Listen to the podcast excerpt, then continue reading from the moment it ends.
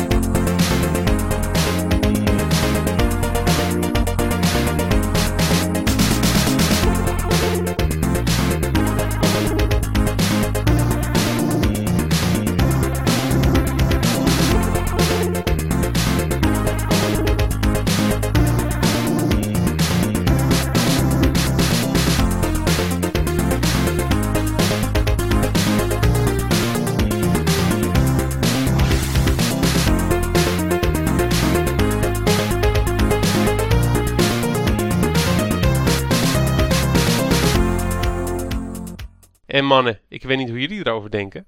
Maar ik vind persoonlijk, op het moment dat je een gast hebt, dat het logisch is om met die gast eh, te beginnen. Dus steek van wal, Jur. Nou ja, laat ik beginnen met Destiny. Want eh, ik heb van jou, Steve, een eh, betacode ontvangen. Ja. Die heb ik de afgelopen drie dagen behoorlijk stuk gespeeld. Ik heb de level cap bereikt, level 8. En nou, magnifieke game. Ziet er heel gaaf uit. Online is gaaf. Eh, dat heb ik gespeeld. Eh, dan heb ik vakantie gehad. En op vakantie had ik meegenomen Mother 3. Een, eh, een Engelse, Engelse translation. En die is ook heel erg tof. Ik ben er alleen niet heel erg veel aan toegekomen, helaas. Maar Dat is die Game Boy Advance game, toch? ja, dat is nou ja, Earthbound 2, zou je kunnen Ja. zeggen, denk ik. Ja. En, maar ja, super game. Eh, ja, NES zit er niet in, dat, dat mis je wel. Earthbound is toch echt NES voor veel mensen, de hoofdpersoon.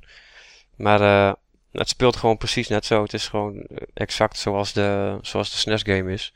Dus voor liefhebbers kan ik hem absoluut aanraden. Zit de humor er ook in die Earthbound heeft? Ja, de humor zit er ook in. Ik ben nog niet zo heel ver, maar ik heb al heel wat humor gezien. Nog geen, uh, nog geen cameo's zoals je in Earthbound had. Dat in één keer de Blues Brothers opduiken. En, maar misschien komt dat nog. Het, uh, de sfeer zit er in ieder geval helemaal in zoals die ook in Earthbound zat. Oké, cool. Dat is uh, wat voor veel mensen Earthbound bijzonder maakt. Ja, dat zijn er nogal wat mensen die dat vonden. Dan moet je, ben je jezelf verplicht om absoluut Mother 3 ook te gaan spelen. En, uh, en dan heb ik nog één game gespeeld. Dat is Nintendo Pocket Football. Oh, op de 3DS of niet? Ja, op de 3DS. Dat ja. was uh, enigszins aangespoord uh, door het WK, denk ik. Maar dat leek me wel een geinig spelletje. Ook omdat ik van Sensible Soccer hou. Maar daar hebben we het straks wel over. je speelt niet zelf. Het is meer een management spelletje. Het zit wel leuk in elkaar. Je kan spelers kopen en verkopen. En ja, heeft niet zo heel veel om het lijf, maar op zich is het een geinig spelletje. Ja, vooral voor, uh, voor, even voor korte potjes, toch? Had ik uh, begrepen. Ja, korte potjes. Maar wat, ik ben toch wel benieuwd, Jur, wat je algemene indruk is van, van Destiny, zeg maar. Iets dieper, uh, nu je het er gespeeld hebt. Nou, ik heb echt alle, alle elementen in Destiny wel gehad, denk ik. Alle, alle single-player missies, die je overigens ook gewoon met vrienden kan spelen. Maar die, nou, die zijn alleen goed te doen. Het is, het is leuker met, met meerdere mensen.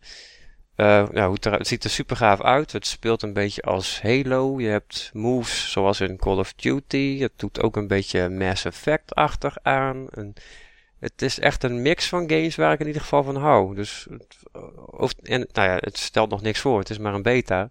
Dus je, je bent beperkt in wat je kan doen. Maar uh, ja, ik vond het een interessante game. En het, het nodigde ook uit om steeds weer terug te gaan naar missies die je al gedaan had. Omdat daar dus ook diverse dingen nog zijn te vinden. Je, je vindt wapens, armor. Maar er zaten bijvoorbeeld in de beta ook vijf uh, gouden kistjes, lootkistjes verstopt. zag ik op YouTube, dus die ben ik ook gaan zoeken. Die heb ik ook gevonden.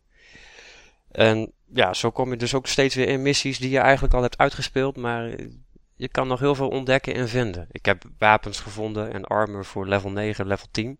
Terwijl de level cap 8 is in de beta. Dus die heb ik bewaard voor straks, als die game uitkomt in september ja, gave game. Ik miste alleen trouwens het, uh, de, de chatfunctie in de online multiplayer. Ik neem aan dat die wel in de complete versie zit straks, maar die zat niet in de beta. Nee, je kon alleen chatten inderdaad als je met andere mensen in een groep zat, maar niet met, uh, met vreemden inderdaad. Nee, dat was een beetje, dat vond ik vreemd dat dat er niet bij in zat, maar misschien zit dat wel in de uiteindelijke versie. Ja, ik persoonlijk hoop van niet, maar daar kom ik straks nog wel op terug als ik mijn zegje over Destiny doe. Oké. Nou, wat hebben jullie gespeeld, jongens? Nou, dat zal ik maar gelijk voor wal spelen. Ik heb ook Destiny gespeeld. Goh. De beta. En uh, ik moet zeggen dat ik de wereld erg mooi gemaakt vind. Waar je in rondloopt. Maar er is wel wat aan mis. En dat is namelijk dat het voor mij niet levendig is en behoorlijk statisch. Uh, kistjes die rond uh, slingeren, die kan je bijvoorbeeld niet verplaatsen. Ik snap ook wel waarom dat niet kan. Als je ergens in een gang staat en je legt een kist in het midden en anderen kunnen er niet door, dan gaat het irriteren. Maar ik vond de wereld toch net even iets te statisch. En ik vind het heel irritant dat mensen zomaar je wereld in komen banjeren. Ik uh, speelde het samen met twee gasten van In The Game. En nou ja, gewoon een story missie. gelukkig kan iemand anders die random jouw wereld inkomt, uh, die missies niet aftrappen, zeg maar. Niet het storygedeelte aftrappen. Dat kan alleen iemand uit, jou, uh, uit jouw groep. Maar ik vind het wel irritant dat als diegene uh, alvast vooruit loopt, en dat gebeurt, dat hij wel de missiebal af kan trappen en het verhaal, het verhaal en alles meekrijgt, terwijl jij nog helemaal achteraan het level bent. Ik heb dat dus één keer gehad. Er was één iemand die was doorgelopen en ik ging kapot. En toen werd ik gerespawned terug aan het begin van het level. Ja, en die gast die liep door en uh, die deed een missie. En op een gegeven moment kwamen wij eraan. Had hij alles al kapot geschoten. Zei, nou, missie is klaar. En dat vind ik gewoon zonde. Want dat is voor mij, ja, voor mij toch een beetje een nadeel aan een game zoals, zoals deze. De mensen die wel je game binnen kunnen lopen, kunnen wel helpen met het neermaaien van tegenstanders. Doe ik ook liever zelf. Als er drie tegenstanders voor mij zijn, heb ik ze liever zelf. Dan dat er zomaar iemand bij meekomt. En die, en die alles kapot, kapot knalt. Uh, Maar ik denk dat er voor heel veel mensen dat dit wel, eh, dat dit wel een interessante game is. Ik vind wel dat er een hoop, hoop game modus in zitten, nu al. Eh, je hebt natuurlijk eh, de, de gewone storylines. Je hebt de multiplayer, een beetje base defenden, zeg maar, die erin zat. En je had het stuk level waarin je losse missies gewoon overal kon vinden. Eh, ik miste daar wel een beetje het echte open wereldgevoel bij. Omdat je toch een plek kiest waarin je rond kan lopen en missies kan pakken. Maar het is niet één hele grote wereld. Waar je van ene plek naar die andere kan. Dan moet je toch echt selecteren vanuit de orbit. Het zijn vrij afgebakende levels inderdaad, ja. Ja, ja, ja. En ik had ook het, het goed, goed, het waren maar vier missies. En het was natuurlijk allemaal in Oud-Rusland. Maar ik had ook bij elk level een beetje het gevoel dat ik in hetzelfde liep. Maar goed, dat is. Je liep Eh, ook in Ja, hetzelfde. dat was dezelfde map eh, in principe. Was het allemaal van elke missie dezelfde map? Ja, alleen die map, eh, die map die heeft een aantal eh, wegen die je kan bewandelen, waarin- waardoor je toch wel behoorlijk ver uit die map komt. Want er is Ah, bijvoorbeeld, oké. er was ook een, eh, een route die je kon volgen en dan kwam je, kwam je level 20 eh, enemies tegen die je nog helemaal niet aankon. Nee. Maar dat, eh, dat zat Ja, die, hier ben die ik ook ik wel- te- die ben ik ook tegengekomen inderdaad. Ja, dat was niet fijn. Ja, die heb ik ook gezien. We hadden in het begin nog level vraagteken. En later eh, hadden ze wel inderdaad een, eh, een cijfertje. Maar goed, dat, dat, vind ik, eh, ja, dat vind ik er jammer aan. Ik vind, het wel, ik vind het wel mooi en ik denk dat het voor heel veel mensen wel interessant is. En eh, ik, ben, ben- ik weet, ben benieuwd wat de level cap is. Want die level 8 die heb je op zich vrij snel gehaald. Dat ging, wel, eh, dat ging wel heel hard. Ik vind het wel gaaf dat elke keer wat unlockt. En eh, eh, de tower vind ik op zich wel interessant. Waar je items kan kopen en dat soort dingen. En, Volgens mij minstens level 30. Oké. Nou, ik, ik op, hoop. op level 20 krijg je hele gave krachten schijnt. En ik verwacht dat er echt nog een stuk achter zit om mensen gewoon de incentive te geven om door te blijven spelen. Ja, ze zullen wel moeten, denk ik, als het nu al zo snel gaat. Eh, ik was echt met een, met, volgens mij met een uurtje of drie of zo, was ik al level 8. Dus dat Oh, dat is wel heel eh, hard gegaan hoor. Ja, ja, ja, ik heb nog een nieuw poppetje aangemaakt. En ik ben zaterdag nog een keer gaan spelen nadat ik gestreamd had. En dat ging vrij, eh, ging vrij rap, moet ik zeggen. Ja, kan heel snel, ja. Vooral als je ook die bounties eh, meeneemt. En ik hoop, ik hoop alleen, maar dat, dat is het enige waar ik een beetje voor vrees. Ik hoop dat het een lang leven beschoren is, de game. Ik, ik ben bang dat mensen er met een maandje of anderhalf op uitgekeken zijn. Helemaal omdat het dan oktober wordt. En in oktober echt zo'n, zo'n enorme berg aan games voor de deur staat. Het is echt niet normaal. Dus eh, ja, ik hoop dat ze het redden. Want eh, dit soort nieuwe projecten altijd ondersteunen. Maar voor mij is er hier en daar nog wel wat, eh, nog wel wat behoorlijk aan mis. Halo heeft ook altijd een lang leven gehad hè. Halo heeft altijd een lang leven gehad. Behalve. Halo 4 die niet door eh, Bungie is gemaakt. Nee, dat klopt. Maar ja, goed, tijden veranderen. En eh, ik, ben- ja, ik, ik, ik, we gaan het afwachten. We kunnen er toch niet zo heel veel, eh, heel veel van zeggen. Ik wil nog wel iets vragen aan jou, Michael. Want ik heb jou zien spelen. En ik vroeg me af, Ja, eh, die AI, is die zo omdat het Ja, nog zo vroeg in ik de weet game niet is? of je in zo'n beta beoordeel ik dat soort dingen liever niet. Maar Nee, nee. ik, ik mag hopen dat die wat beter wordt. Want de AI was wel, eh, was wel behoorlijk ondermaats. Als je een paar gasten hebt die op je gericht staan en je loopt om, ineens sta je achter ze en kan je ze kapot schieten zonder dat ze omkijken. Allemaal van dat soort, eh, allemaal van dat soort dingen ben ik tegengekomen. Maar ik denk dat dat wel beter wordt. Ik vermoed haast van wel. Ik heb sowieso het gevoel eh, bij, bij een beta, maar bij demo's die bijvoorbeeld op een de beurs speelt, weet ik het zeker. Die staan sowieso een heel stuk makkelijker omdat het dan natuurlijk, eh, hè, dan krijg je er meer plezier in als die beta jou in de eerste, eerste twee, drie levels al helemaal tot pulp schiet en je komt niet verder. Ja, dan koop je die game straks ook niet. Dus ik heb zowel het gevoel dat daar, eh, dat, dat wat minder heftig is gemaakt. Maar Ik kan me durf- ook niet anders voorstellen hoor. Geen enkele Bungie game heeft dat gehad. Nee, maar goed, van die, al die anderen hebben we natuurlijk geen beta's eh, gezien. Dus Nee, als je, daarom. als je, daarom. hier, als je hier ervan uitgaat, wat je gezien hebt, zou je zeggen de AI is niet heel best. Maar ik vind dat je dat pas echt kan beoordelen op het moment dat, eh, dat de game straks uit is. Ja, vanaf de eerste Halo eh, Bungie bekend om een goede AI. Ja, Dus maar ja. ik hoop dat het nu ook het geval is. Maar ik liep tegen hetzelfde aan hoor. Ik, eh, het was ook een van de minpunten van de game die ik zag. Ja, dus. eh, nou goed, en voor de rest kan ik alleen maar zeggen: Divinity. Original Sin, maar daar heb ik het op het forum al over gehad. Mensen die nog niet, eh, of nog niet bij ons op het forum zitten, kom een keer kijken.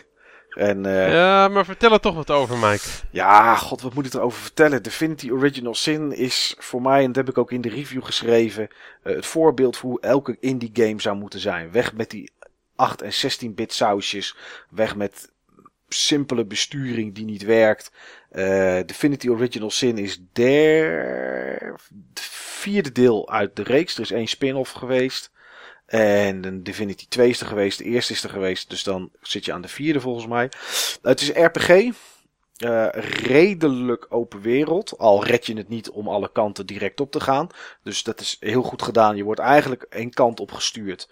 Eh, terwijl het toch open wereld is. Aan de andere kant haal je gewoon niet. En het is ja, een, RPG zoals de oude Baldur's Gate was, zeg maar. Of Icewind Dale. eh, dat principe een beetje 2D. Je kijkt van bovenaf. Eh, je kan wel de camera draaien, dus het is semi-2D. Eh, er zitten heel veel verhalen in, heel veel lezen, heel veel humor. Turn-based gevechten die echt enorm goed zijn. Het is ja, kwalitatief echt een toptitel. Het komt uit België. Ik wist toen ik het ging spelen niet dat het uit België kwam. En daar zit, eh, zit de studio. Ja, ik, ik, normaal gesproken laat ik het zo zeggen. Dit is misschien het meest, meest treffende voor hoe mijn, eh, hoe mijn gaming eruit ziet. Op het moment dat ik een review geschreven heb, start ik een game eigenlijk nooit meer op. Heb ik met Watch Dogs niet gedaan. eh, nou, noem het allemaal maar op. Maar deze game heb ik daarna nog tientallen uren inmiddels gespeeld. Want het is echt een geweldige game. Een eh, echte oldschool RPG. Veel verhalen. Moeilijk is die. De battles zijn moeilijk. Er zitten geen questmarkers in. Die wordt niet aan het handje meegenomen dat een ork tegen je zegt. Oh, ga hier maar naar links. Of hier, ik geef het wel aan op je map. Nee, dat is er niet. Zoek het zelf maar uit.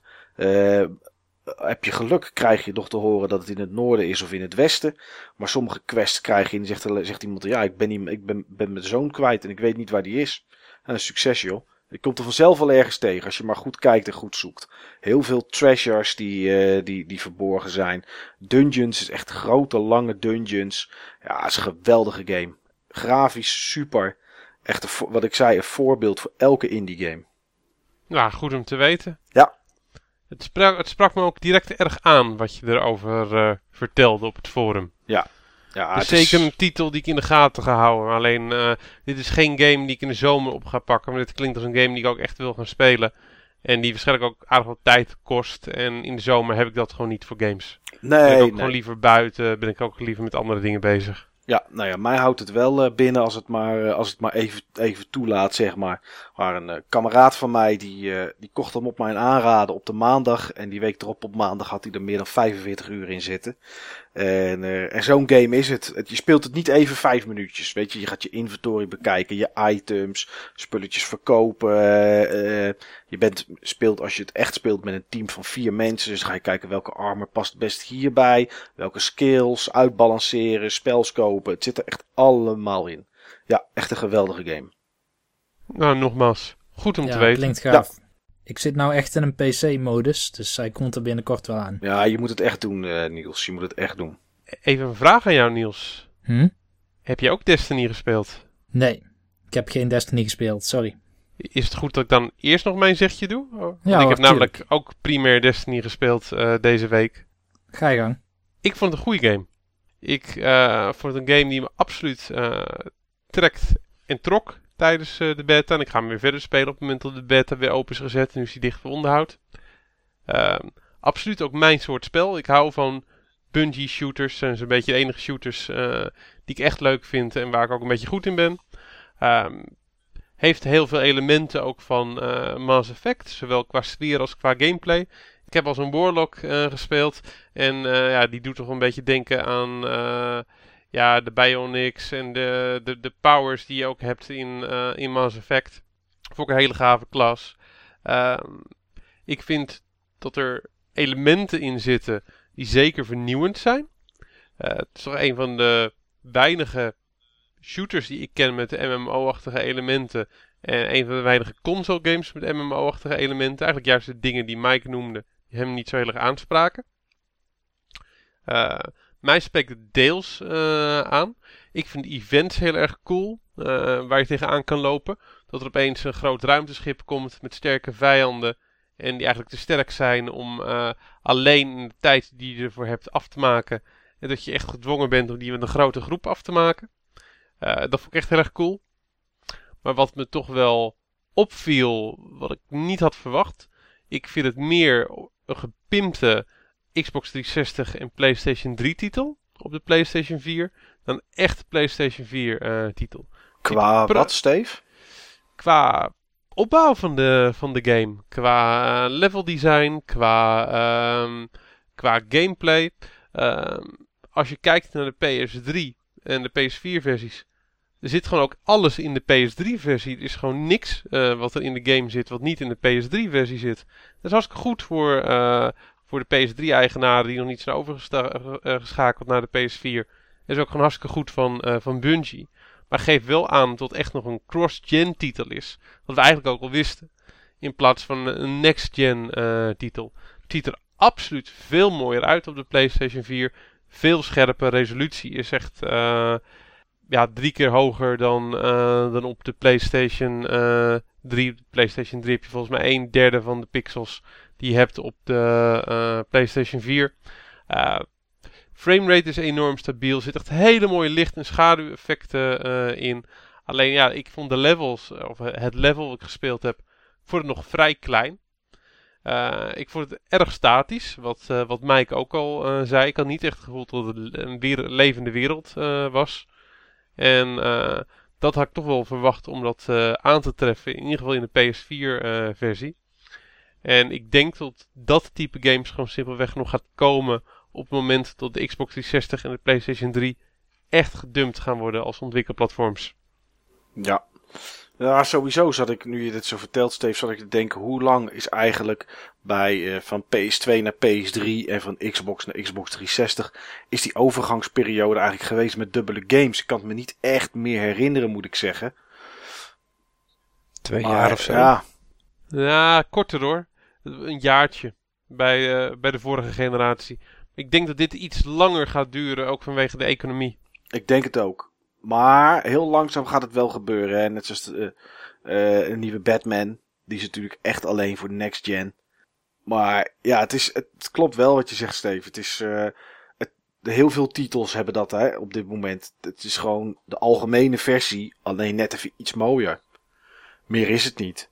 Maar is dat ook niet de opzet van, eh, van Destiny? Want ik heb gelezen op, eh, op de site van Bungie dat eh, Destiny moet eigenlijk erboven staan, boven welke generatie dan ook. Het is, het is hun bedoeling dat jij die game speelt op de PS3, dat je hem straks meeneemt naar de PS4 en dat je hem straks ook weer meeneemt naar de PlayStation 5 of whatever. Dus wat dat betekent voor de graphics weet ik niet, maar hun opzet is zo dat die game langer moet meegaan dan de generatie spelcomputer waar die op dat Nou, moment dat, op dat is op speelt. zich goed. Alleen, eh, kijk, je beperkt je wel, hoe je dat went of keert. Die levels zouden groter, complexer, levendiger kunnen zijn op het moment dat je puur op de PS4 zou, eh, zou focussen.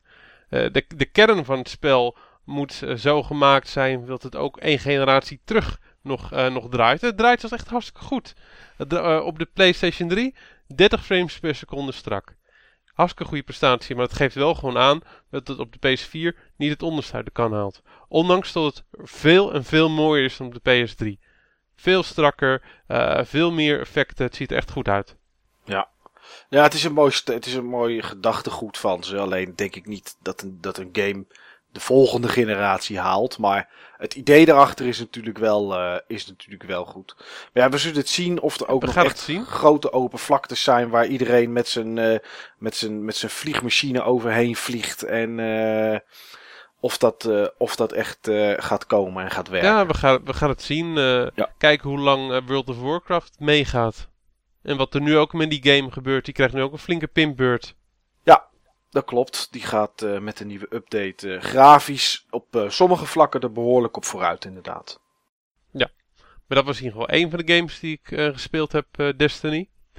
Verder heb ik een andere PlayStation 4 titel ehm, ja, kort gespeeld. Die wil ik ook absoluut langer gaan spelen. Daar was ik zeer enthousiast over. Strider.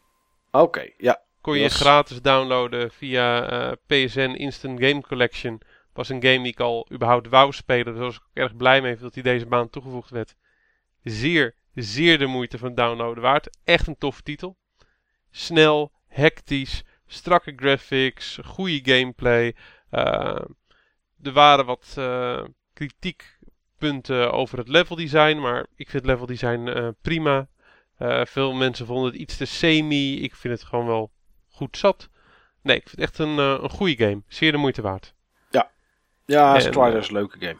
Ja, en daarnaast heb ik uh, ook aardig wat uh, retro titels uh, gespeeld. Veel mensen ook over de vloer gehad in de laatste weken. Waaronder ook Niels. Ja.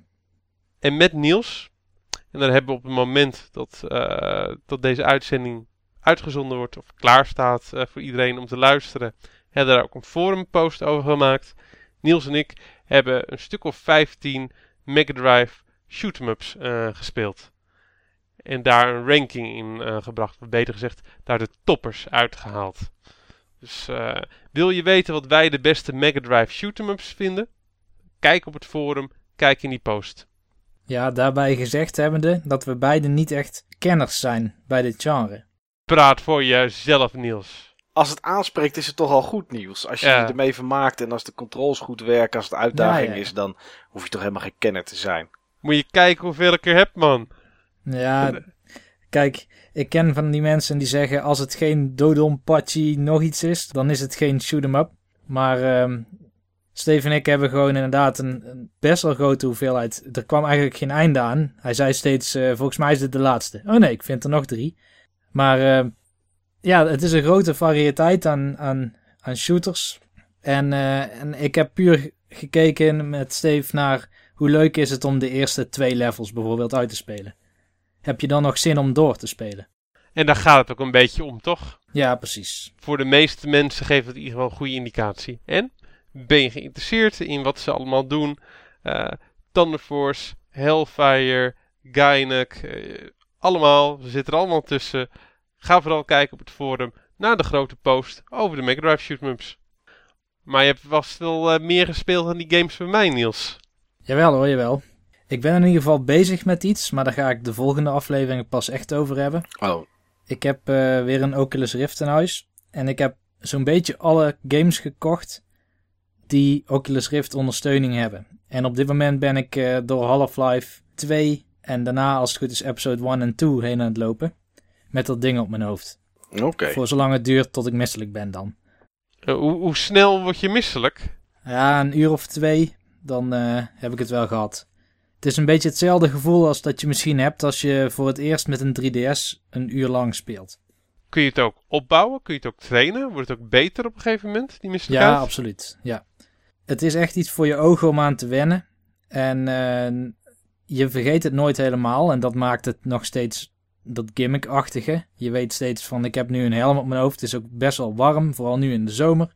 Maar uh, ik moet wel zeggen dat ik steeds minder last heb van... Uh, ja, van, van die, die lichte duizeligheid die je overhoudt aan virtual reality met zo'n bril op. Maar goed, daar komen we later wel weer op terug. Ik heb twee spelletjes waar ik het over wil hebben. Eentje waar ik het iets uitgebreider over wil hebben. Maar de eerste is, uh, en daar heb ik het al vaak over gehad. Misschien zelfs al sinds de, misschien de vierde aflevering of de vijfde of zo van de podcast. Animal Crossing. Ja, jij speelt dat nog steeds, hè, Niels? Ja, nog steeds. Ja, ik wil dat laatst was ik, was ik ook weer heel even begonnen. Maar ja, dan is de 3DS weer leeg en dan ligt hij in een hoekje en dan zie ik hem niet en dan vergeet ik het weer. Want ik moest voor jou kijken naar... Uh, modern. Ja, modern kleding. Hoeft niet meer. Oké. Dat uh, was precies waar ik het over wilde hebben. Het, uh, het ding is, ik heb nu op één ding na, denk ik, alle gebouwen die je kan hebben in Animal Crossing. Uh, mijn nieuwste aanwinst is het TNT Emporium. Oftewel, zo. volgens mij de vierde upgrade of zo van die Nukeling Store. En nu is het een echte een, een winkel met uh, twee verdiepingen erbovenop. um, is het een soort Walmart geworden? Zoiets is het geworden, ja. De eerste verdieping is nu een samenvoeging tussen een van die Nukelings en dat plantendude, Live of zoiets. En de tweede verdieping zit dan een andere noekeling op. En op de derde verdieping zit een arrogante giraf. Oké. Okay. Is altijd met kleding bezig, toch? Ja, precies. Die verkoopt een trui voor een ton of zo. dat is wel, heel duur. is wel mode. Het is allemaal mode en het is allemaal gedesigned door die giraf ook. Oh, oké. Okay. Oh, dat is lekker dubbele. Heeft hij het ook zelf gemaakt? Ja, maar dat is het ding dus. Um, ik ben daar maanden mee bezig geweest om die TNT Emporium te halen. Wat je daarvoor nodig hebt, is je moet, ah, je moet iets van 70.000 bells uitgegeven hebben in de vorige versie van die store. Dat is op zich te doen. Als je elke dag gewoon daar binnen loopt en je koopt alles leeg, dan ben je daar redelijk snel. Wist je dat van tevoren? Nee, ja, ik, uh, ik wist dat de meeste upgrades afhangen van wat je koopt. Oké. Okay. Alleen het duurde zo verschrikkelijk lang dat ik op een gegeven moment ben, maar ben gaan kijken van wat moet je dan wel doen. Nou, daar komen die modern clothes bij kijken. Um, die giraf, die komt ongeveer één keer in de week langs. Soms komt hij een paar weken niet. En elke keer als hij langskomt, dan doet hij een fashion check. Dan zegt hij bijvoorbeeld van vandaag wil ik dat je laat zien hoe je er modern uit kan zien. Dat was dus die modern clothes. Wat een arrogante aap zeg, die giraf. Ja, wie dwingt dat nou af hè? Ja.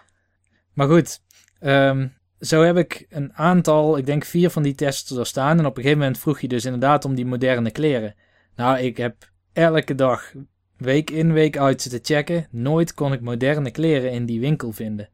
Toen vroeg ik dus ook aan jou, als je moderne kleding tegenkomt, koop die dan even, want die heb ik nodig. Ja. Nou, uh, je moet het merendeel van de kleding moet je een bepaalde stijl dragen.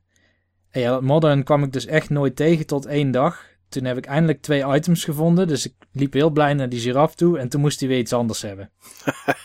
dus dat kan gebeuren. Dat hij week in, week uit om modern vraagt. En dan in één keer switcht. Maar goed, uiteindelijk is het gelukt. Ik heb dat ding, die, die nieuwe verdiepingen erbovenop. Dus ik ben een blij baasje met uh, Animal Crossing. En ik ga voorlopig nog wel even verder. Oké, okay. maar wat is er nu nog te bereiken, uh, Niels? Um, ik heb, even kijken, ik heb mijn huis maximaal uitgebreid.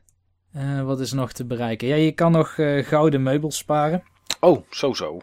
Ja, ja. Als jij, uh, je weet wel dat je met je schep tegen zo'n steen kan slaan en dan ja. komt er van die gems uit. Ja, of geld. Of geld, ja. Alle gems kun je verkopen in principe, behalve die gouden. Oké. Okay. Die, die gold nuggets. Want als je die drie hebt, dan kun je naar die retail shop met die... hoe heet die, die lama's. Die lama's. Nou, alpakas.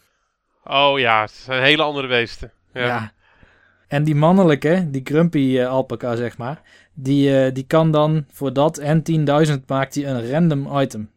Dus ja, je bent dan weer een tijd bezig, want je krijgt het dubbele en zo, maar goed. En dan kan ik natuurlijk nog heel die collectie kopen. En dan kan ik nog al die public projects gaan bouwen, want die heb ik nog lang niet allemaal gemaakt. Dus er is nog genoeg te doen. Oh ja, ik heb er laatst wel een gemaakt. Dream nog iets of zo. Dreamhouse. Ja, ja, ja Dreamhouse. Dan kun je bij andere internetgebruikers op bezoek. Ja, ja. Alleen je kan daar dan niet zoveel, want alles wat je daar oppakt, dat is weer weg als je uit die droom komt. Dus ik was heel uh, driftig allerlei items aan het verzamelen en, en bugs aan het vangen en allerlei fruit aan het oppingen, oppakken bedoel ik. En toen ging ik die droom uit en toen had ik het niet meegenomen. Toen dacht ik, ja, wat, dan is het echt alleen maar uh, kijken. Ja, heb ik ook maar één keer gedaan. is niet zo boeiend. Nee, ik vond die mevrouw ook niet zo aardig van dat droomhuis. Nee, dat is een soort miereneter of zo, toch? Ja, ik weet niet wat het is, maar ik vond het niet zo aardig. Ze deed me een beetje naar aan. Maar goed, ik, vind het wel, uh, ik vond het wel leuk om er nog eens een keer rond te kijken. Ik moest wel een hele hoop onkruid wieden. Ja. Dat geloof ik best. En daar kreeg ik dan ook, zag ik, uh, een, een, timer voor. Uh, alles moest opgeruimd zijn binnen vijf minuten, geloof ik. En anders? Uh, zou mijn 3DS ontploffen en dood en verderf tot uh, gevolg hebben. Ik heb geen idee. Want ik op een gegeven moment dacht ik van, uh, ik heb er 20 uitgetrokken. Ik moest er nog een stuk of 23. dacht ik, nou dat doe ik straks wel. Dus toen klapte ik mijn 3DS dicht. Maar dan loopt die tijd gewoon door. Ja. En toen deed ik mijn 3DS weer open en toen was die tijd verstreken. Maar ja, ik moest het toch opruimen, want het was natuurlijk een rommeltje. Dus ja, dat... Nou, mooie titel om af en toe naar terug te komen. Zeker, zeker. Maar goed, ik heb nog één game. Bijna een soort verslaving op het moment zelfs. En dat is een, uh, een vrij oude RPG. Die heeft ook een vrij lange naam. En dat is Shin Megami Tensei Devil Summoner Soul Hackers. Ah. Is dat PlayStation of PlayStation 2? Uh, hij is origineel op de Saturn uitgekomen. Yeah. En later gepoord naar de PlayStation 1. Oké. Okay. En die game is zo verschrikkelijk gaaf. Ik heb het nog nooit gespeeld. Ik ken de naam van de reeks wel. Het is een beetje een culttitel, hè? Shin Megami, ja. uh, Megami Tensei. Ja, het is een hele oude RPG-serie. Um, cult en occult, zullen we maar zeggen. Het gaat vaak over uh, demonen en de hel en dan demonen recruteren. Het heeft een soort Pokémon-ding in zich. Je kan je vijanden eh, sweet talken, zeg maar, om bij jou in het team te gaan. En afhankelijk van wat voor soort demon het is, helpt een soort sweet talk of moet je misschien briben of anderzijds overzien te halen. In dit deel kun je ze ook fuseren, dus dan kun je van twee verschillende demonen kun je fuseren en dan krijgen ze bepaalde elementen of vaardigheden van beide in een nieuwe. En zo kun je ze ook levelen bijvoorbeeld. Ja, dat is, dat is een, heel apart iets wat ik super gaaf vind. Maar het is vooral in dit deel in ieder geval uh, het, de sfeer, het thema en op zich de redelijk gemakkelijke gameplay. Voor een Shin Megami Tensei titel is hij echt wel makkelijk. Oké. En die speel je op de PlayStation 1. Is die in PAL uitgekomen, uh, Niels? De, ik speel hem op de 3DS. Ah, oké. Maar of die in, uh, in Europa uitgekomen is. Um... 13 september 2013 zie ik als release date. Dus het zal waarschijnlijk wel de 3DS-versie zijn. Waar heb jij hem vandaan dan, uh, Niels? Uh, volgens mij bij gewoon een webshop. Ja, dat nou, dan moet hij wel op Euro in Europa uitgekomen zijn. Want een Europese 3DS speelt geen games uit andere regio's. De PlayStation dacht ik, uh, was ik eigenlijk benieuwd naar of die uitgekomen was voor PlayStation is alleen in, in, Japan uitgekomen. Volgens mij is de 3DS-versie de eerste versie die in Europa en Amerika is uitgekomen. Ik zie hier inderdaad staan dat de original release date voor Europa 13 september 2013 is. En in Japan zie ik staan 97. En dat is dan inderdaad die Saturn-versie. Dus uh, ja. hij is hier inderdaad. En in Amerika alleen voor de 3DS uitgekomen, ja. Ja, en wat wel apart is, is die, deze serie, die heeft ook heel veel spin-offs. En een van die spin-offs is Warempel nog populairder dan de main serie tegenwoordig. En dat is Persona. Mm. Alleen, ik vind dan persoonlijk um, de Shin Megami Tensei serie... en dan die Devil Summoner en de Devil Survivor serie... en ook de mainline vind ik persoonlijk wel iets leuker. Persona die voegt er wat dingen aan toe... die het niet echt nodig heeft. Die geeft het zo'n uh, high school sausje. Uh, en ja, dat soort... is Persona. Er zit een soort dating sim omheen of zo. Ja, laat mij nou maar gewoon door die dungeons lopen. en demonen hakken. Precies. Ja, snap ik. Maar ik heb er nu zo'n uh, 12 uur in zitten volgens mij. De vorige Shin Megami Tensei game die ik heb gespeeld duurde 60. Ik verwacht dat deze iets minder lang is. Maar uh, ja, ik, ik word er niet minder enthousiast over hoe langer ik speel. Ja, goed om te weten. Wellicht een game die mensen het ook leuk vinden om eens een keer te proberen. Zeker nu Shin met de vakantie. Tensei. Ja. ja, Shin Megami Tensei. Um, heb je ooit bijvoorbeeld Ethereum Odyssey gespeeld? Dat is ook een first-person RPG. En dat is die Shin Megami Tensei ook. Uh, Ethereum Odyssey is een stuk meer hardcore. En veel moeilijker. Dus stel je iets als uh, Ethereum, Odyssey, Odyssey voor, maar dan met demonen. En een soort, um, ja wat is het, uh, virtual reality, Android, weet ik het wat verhaal in de toekomst, dan, uh, dan is dit gewoon een goede game. Oké. Okay. Nou, ik hoop dat mensen het iets zegt nieuws, want ik was je ongeveer kwijt uh, bij uh, iets. maar dat was alles wat ik gespeeld heb. Of niet alles, maar wat ik nu wilde noemen. Oké, okay, nou, het is een mooi rijtje.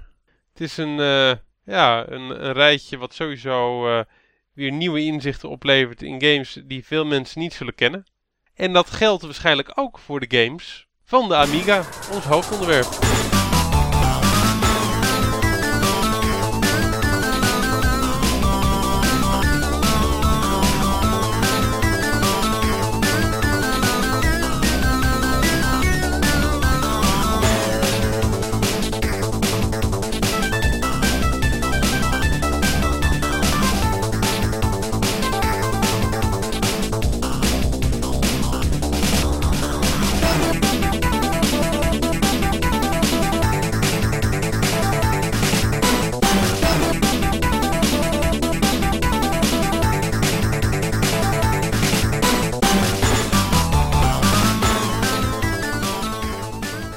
Wordt weer flink geschoven zo te horen. ben je er weer hoor? Ik hoor, ook, ik hoor ook tikken. Wat horen jullie ja. schuiven dan? Mijn laptop? Ja. Wacht even. Ja, dat horen we. Ik heb de laptop had ik op schoot, maar hij staat nou op de bank. Oké. Oké. Oké. Um, een bruggetje, een bruggetje. Een bruggetje. De Amiga. Schitterende brug. ik was nog niet klaar. Ik was er niet klaar. Ik was uit mijn verhaal. eh, eh, ja. Die was Nou ja, bij je- de Amiga. ja, mannen. De Amiga. Dat was voor mij eigenlijk een beetje hetzelfde als, ehm, als al die eh, vrouwelijke popsterren uit, eh, uit de hitkrant die ik vroeger eh, las. Elke week zag ik er weer plaatjes van. Ik wou ze allemaal heel erg graag, maar toch wist ik dat, eh, dat het er niet van ging komen. Maar hing je dan, hing je dan ook eh, eh, eh, de posters op aan je muursteven of ging het niet zo ver van de games die Nee, je dat zag ging, niet zo, dat ging niet zo ver. Dat ging niet zo ver. Nee. En wat voor mij de hitkrant was, maar dan voor games, dat was Hoogspel. Oh Hoogspel, ja. we hebben het al eens eerder over gehad in deze, in deze podcast. Een van de eerste Nederlandse spellenbladen. En er werden veel PC-games in besproken, maar ook met name Amiga-games. En ik had geen Amiga en ik kende niemand met een Amiga. Ik wou een Amiga, maar het is er nooit van gekomen. Dus al die games die ik voorbij zag komen, die hadden voor mij een soort van onbereikbare kwaliteit. Raar is dat eigenlijk, hè? Want bij mij was het precies andersom. Dat ik had niemand in mijn omgeving met een Mega Drive of met een SNES. Ja, ik kende één iemand met een SNES, maar die woonde heel ver weg. Alles en iedereen in mijn omgeving had juist alleen maar een Amiga. Ja, dat is toch raar, hè? Hoe dat dan bepaalde plekken van het land of ja, waar te maken heeft, weet ik niet. Maar dat het dan op die manier werkt. Ja, grappig. Ja. Grappig. Ik kende wel wat mensen met een Commodore 64, maar niemand met een Amiga. Oké. En een Commodore 64, daar keek ik weer een beetje op neer. Want ik had natuurlijk een Nintendo en dat zag er allemaal gewoon net even wat, eh, wat mooier uit. En het scrollde soepeler. En eh, ja, die, eh, die joystick eh, had maar natuurlijk maar één knop van de Commodore eh, 64. En van de Nintendo Gamepad had die twee knoppen, dus die was dubbel zo goed. dat, zijn, dat zijn het soort gedachtegangen die je dan maakt gewoon als, eh, als kind zijnde. Maar Amiga, ja, ik kende gewoon niemand die zo'n ding had. Het zag er altijd zo gaaf uit en die spellen zagen er zo anders uit. En zeker in Engelse eh multiplatformbladen die ik ook regelmatig kocht en kreeg. Daar stond helemaal veel Amiga in, want eh, in, een- in eh, Engeland was het ding natuurlijk heel erg populair. Ja, en ik wou echt alleen nog maar meer die spellen spelen. Alleen, het is er gewoon vroeger nooit van gekomen. Maar voor jullie niet, hè, mannen. Voor jullie eh, is het allemaal gewoon een waarheid geworden. Ja, voor mij was de Amiga was, eh, mijn puberteit, zeg maar. Ik weet niet hoe oud ik was, volgens mij een jaar of twaalf, want ik had hem al op de middelbare school. En eh, ja, dat was voor mij, was dat, daar ging zoveel tijd in zitten. En eh, er waren zoveel games voor. Tuurlijk speelde het mee in die tijd dat je het kon kopiëren. Dat eh, kan, niet, kan niet ontkennen dat dat niet zo dat het niet meespeelde. Je had als, als 12, 13-jarige natuurlijk geen geld om elke week of elke maand twee of drie nieuwe games te kopen. Dus ja, dat speelde mee. Maar ja, voor mij, het was voor mij, eh, voor mij alles wat ik, wat, ik, wat ik had. Ik deed na school ook niets anders dan dat. Ja, mijn huiswerk. En daarna ging ik weer Amiga spelen. En ik kan ook niet ontkennen dat het misschien de periode was dat ik, eh, dat, ah, school en zo, weet je, er was altijd iemand een pispaal en dat was ik.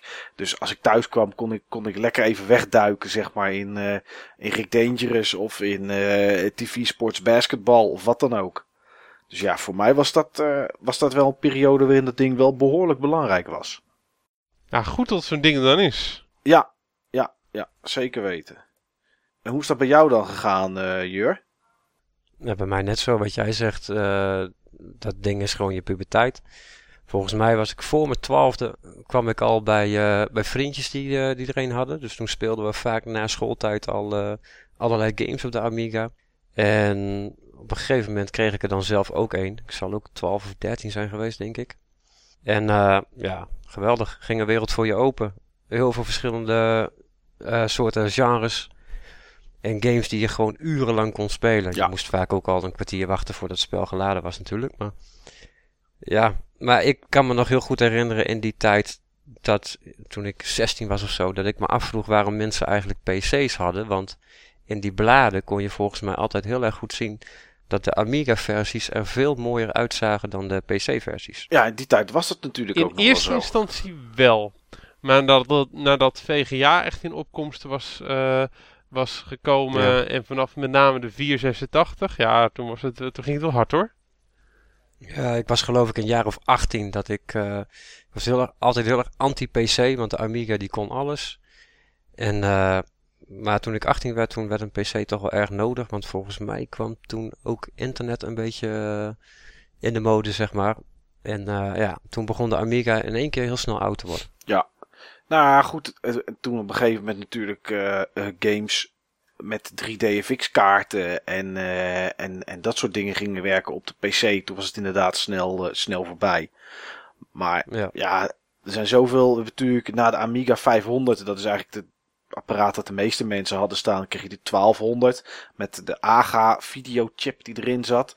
Had je in één keer eh, high-res, zeg maar, beelden. En eh, ja, toen kon die nog wel heel even mee. Maar inderdaad, het PC is zo snel geëvolueerd daarna. Dat, eh, toen kregen we games onder Windows met DirectX en dat soort dingen. Ja, toen was het voor de Amiga was het, was het over. Maar hij was in die tijd dat hij, dat zeg maar hot was, was hij ook wel echt, echt heel hot. Ja, het ding was zijn tijd gewoon ver vooruit. En wat, eh wat Jur net zegt, zoveel verschillende soorten genres. Ik zal straks vast nog wel op terugkomen, maar er is zo. Weet je, het ding had inderdaad alles. En als je dan keek naar een, eh, naar een, naar een SNES misschien, of een NES, of wat dan ook, dat was toch. Er waren genres die had je, die had je er gewoon niet op. En dat was wel, eh, dat was wel goud. Wanneer was jouw kennismaking met de Amiga, Niels? Ja, dat was rond de tijd van de 486 eigenlijk. Ik was toen heel erg op zoek. Ik moet er trouwens in eerste instantie zeggen, de meeste Amiga games heb ik de PC-poort van gespeeld. Oké, ja, er zijn er echt een hoop omgezet. eh ja, bijna alles eigenlijk. Bijna alles wat op dat ding uitkwam was sowieso multiplatform. Er zijn maar iets van 20 of 25 exclusieve Amiga games. Zo weinig? Ja. Er zijn, er zijn ruim 1500 Amiga games. Ja. Weet, heb je die, die cijfers correct, eh, Mike? Kan ik me bijna niet voorstellen hoor. Nou ja, alles wat ik opgezocht heb is waar ik daarop uitkom. Dus ik... Misschien moet je het eruit Ik heb knippen, daar maar- sterk mijn twijfels eh, bij.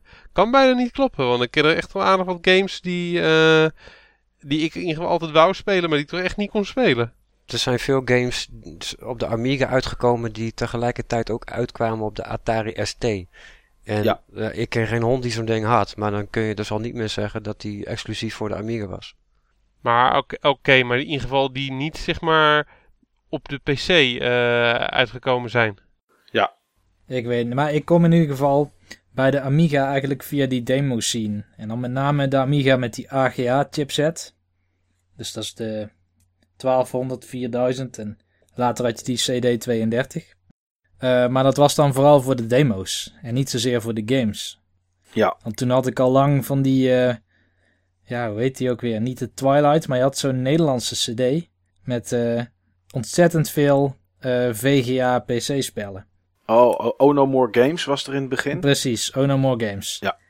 En dat waren praktisch allemaal spellen die ook op de Amiga waren. Alleen op de PC had je ze op één CD. Dat klopt. Dus vandaar dat ik heel veel Amiga games op de PC heb gespeeld. Oké. Ik heb inmiddels wel de lijst met exclusieve titels gevonden. Ga ik heel even snel in Excel proppen. Ik zie namelijk wel games staan die, op de- die eerst voor de Amiga gemaakt waren en later gepoord waren. Ik kan je vertellen, het zijn er 41 Wow. waar ik op uitkom. Ja, Weinig. 41, 42. Ja, ja, ja, ja. Nou, zo voelde het in ieder geval niet. Nee, maar er komt inderdaad wat Jur net zei. eh, of het werd, een, er werd daarna ook naar DOS omgezet. Maar ja, dat speelde helemaal niemand in die tijd. Eh, of Atari ST inderdaad. En wat ook een verschil maakt is dat sommige...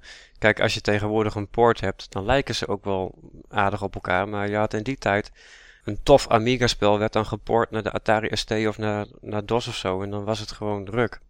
Ja. ja, of die games waren echt heel anders. Ja. Dus dan wou zo'n game het op de Amiga. Die deed, die deed prima, zeg maar, commercieel. Maar op een ander platform weer niet. Nou ja, we hadden het de laatste toevallige keer over, eh Jur, dat bijvoorbeeld Hoek. Ja. Die, eh, dat was zo'n eh, dat was zo'n game. Of de Blues Brothers, eh, waar jij het een keer over had, Ja. Niels. Dat je die gespeeld had. eh, dat, dat het op de, op, de, op de SNES of op, waar het dan ook op was, echt een heel andere game was dan op de Amiga. Dus Ja, En dat heb je heel veel. Zo was dat vaak bij die console ports. Want bijvoorbeeld ik speelde ook, ehm eh, hoe heet het ook weer? SimCity. Ja. Op de SNES.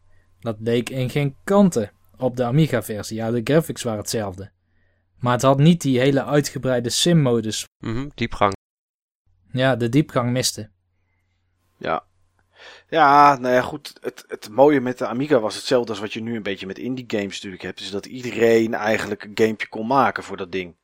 Het was natuurlijk niet officieel niet nodig om, uh, om een licentie te hebben van Commodore om iets te mogen maken op de Amiga. En ja, als het goed genoeg was, dan, uh, dan wilde een uitgever wilde het wel in de winkel leggen als je, als je geluk had. En daarvoor zie je ook heel veel games die door twee of drie of soms door één iemand gemaakt zijn. En uh, ja, ik denk dat dat er wel aan bijgedragen heeft dat er, dat er, redelijk, ja, dat er redelijk wat games voor, voor te vinden waren. En ja, goed. Ik, ja, ik heb me er heel erg mee vermaakt. Maar wat jij zegt, nieuws heb ik op een gegeven moment ook gehad. Op een gegeven moment was ik de games zat. En toen ben ik, en daar baal ik nu dan weer van, ben ik al mijn floppen met games gaan overschrijven door uh, demo's. Want het enige wat ik nog deed was demo's kijken. En dat was die prima voor geschikt natuurlijk, zowel grafisch als muzikaal. Maar, uh, maar het was wel echt super tof. Ja, daar zaten het, vooral de creativiteit van, uh, van, van, van de mensen die dat, die dat maakten. dingen met humor. voor mij een van de de mooiste demos was bijvoorbeeld van Budbrain. Die hadden een hele goede demo. En, uh, Eventjes voor de mensen die uh, er niet van op de hoogte zijn. En die zullen er zijn. Ja. Wat was de demo scene? Wat was de demo scene? Um... Ja, het was eigenlijk een uh, spin-off van de Kerktro scene. Daar komt het vandaan. Ja. Oké. Okay. Ik denk dat dat niet iets is waar veel mensen iets aan hebben. Oké. Okay. Wat was de demo scene? De, de demo scene is ehm, is, is een afgeleide van de, de, de, de, games die in de winkel kwamen, die hadden vaak beveiliging. Of je moest in een handleiding kijken, of je moest, uh, uh, je kreeg er een los blaadje bij waar wat tekens op stonden. En om ervoor te zorgen dat je het niet zomaar kon kopiëren, moest je daar iets voor intikken of iets aanklikken. En wat, uh, wat er gebeurde was, die dingen werden natuurlijk gekraakt. Net zoals dat dat met PC-games tegenwoordig ook het geval is.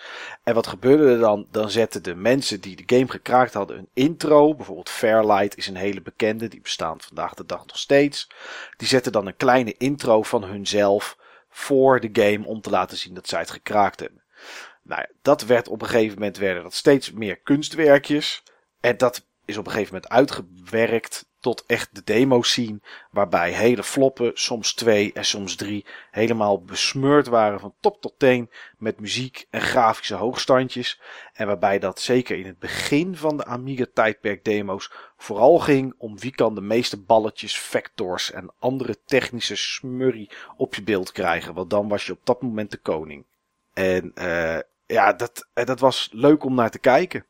Ja, en dat was ook direct mijn eerste kennismaking in de praktijk met de Amiga. Want een maat van me tijdens mijn studietijd, die ik toen uh, heb leren kennen, um, die was ook echt actief in de demo scene. En die gast was ook best wel goed en zat ook best wel een goede groep. En die heeft me toen ook heel veel dingen laten zien die hij en zijn maten gemaakt hadden. Of die juist andere teams gemaakt hadden en die hij erg gaaf vond en die hij altijd had bewaakt, bewaard. Maar dat was echt gewoon zo gaaf en zo creatief. En op dat moment was die Amiga al natuurlijk zwaar verouderd. Maar als je zag wat mensen er allemaal uit hadden wisten te persen, knap. Super knap. En was dat dan ook, uh, Steven, je zegt hij was al wel wat verouderd op het moment dat jij daarmee in aanraking kwam. Maar maakte dat het gevoel dat je echt iets gemist had dan sterker? Want je had natuurlijk die games gezien die je miste. En dan zag je dat dit soort dingen er ook mee konden. Of... Ja.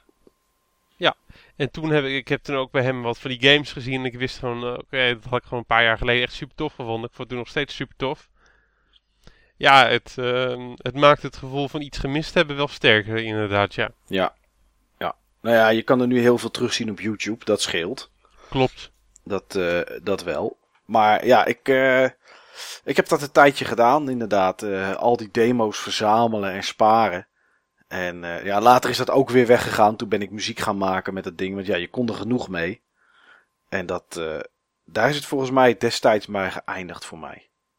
Maar god, wat die tijd ervoor en ertussenin, wat heb ik er een hoop plezier aan beleefd. Nou, laten we het hebben over games dan op de Amiga. Ja. Wat mij opvalt bij de Amiga, als, als ik het afzet bijvoorbeeld tegen een console, is uh, ontzettend veel sim games. Ja, tycoons, sims. En tycoons en inderdaad. Ja, dat is een genre wat mij nooit zo heel erg heeft, eh, heeft aangesproken. Ik weet niet of Jur dat in die tijd Ja. speelde. Ja, mij wel. Oké, en wat, was, wat, wat zat er daar dan voor favorieten bij? Nou ja, allereerst moet ik dan Civilization noemen, Colonization. Eh, je had een hele goede Duitse game. Er waren heel veel Duitse games die alleen daar waren uitgebracht. Der Producent, waarin je nou ja, films moest maken. Dat ging, dan moest je een filmscript moest je inkopen. Dan moest je acteurs en regisseurs moest je bellen om ze in dienst te nemen. Echt elk fa- facet van een film maken moest je allemaal zelf regelen. En dan, als je die film dan had gemaakt, dan, eh, nou ja, dan liet je hem ook draaien in de bioscoop. En dan zag je ook de reacties. En dan nou, verdiende je geld. En, en het is vooral die diepgang die al in dat soort games zat. En heel veel andere games hebben trouwens ook wel tycoon-achtige elementen. Maar die diepgang die miste ik eigenlijk bij de, ja, bij de consoles. Want ik ben na mijn Amiga-tijd begonnen met verzamelen. En ik heb altijd gedacht van, nou, ik begin niet aan de Amiga, want ja, dat is allemaal lastig met diskettes en, en hè. Dus Ja. ik denk, cartridges, mooi makkelijk. Dus, maar toch miste het, er miste iets. En dat is voor mij één woord en dat is diepgang. En dat vond je in die games. Dick Tracy is nog een voorbeeld van, het is geen tycoon. Maar als je Dick Tracy op een console speelt, dan is het meestal een platformer waarin je wat schiet en eh, geen hoogstaand iets. Maar op de Amiga had je Dick Tracy Crime Solving Adventure. Waarin jij eh, rondreed. Dan kreeg je een oproep dat er ergens een crime scene was. En dan moest je van bovenaf zag je dat. Moest je naar die crime scene rijden, uitstappen. Kreeg je een soort platformleveltje waarin je clues moest gaan zoeken. Soms moest je nog tegen de bad guys vechten. En met die clues ging je dan weer terug. En dat moest je gaan onderzoeken op het bureau.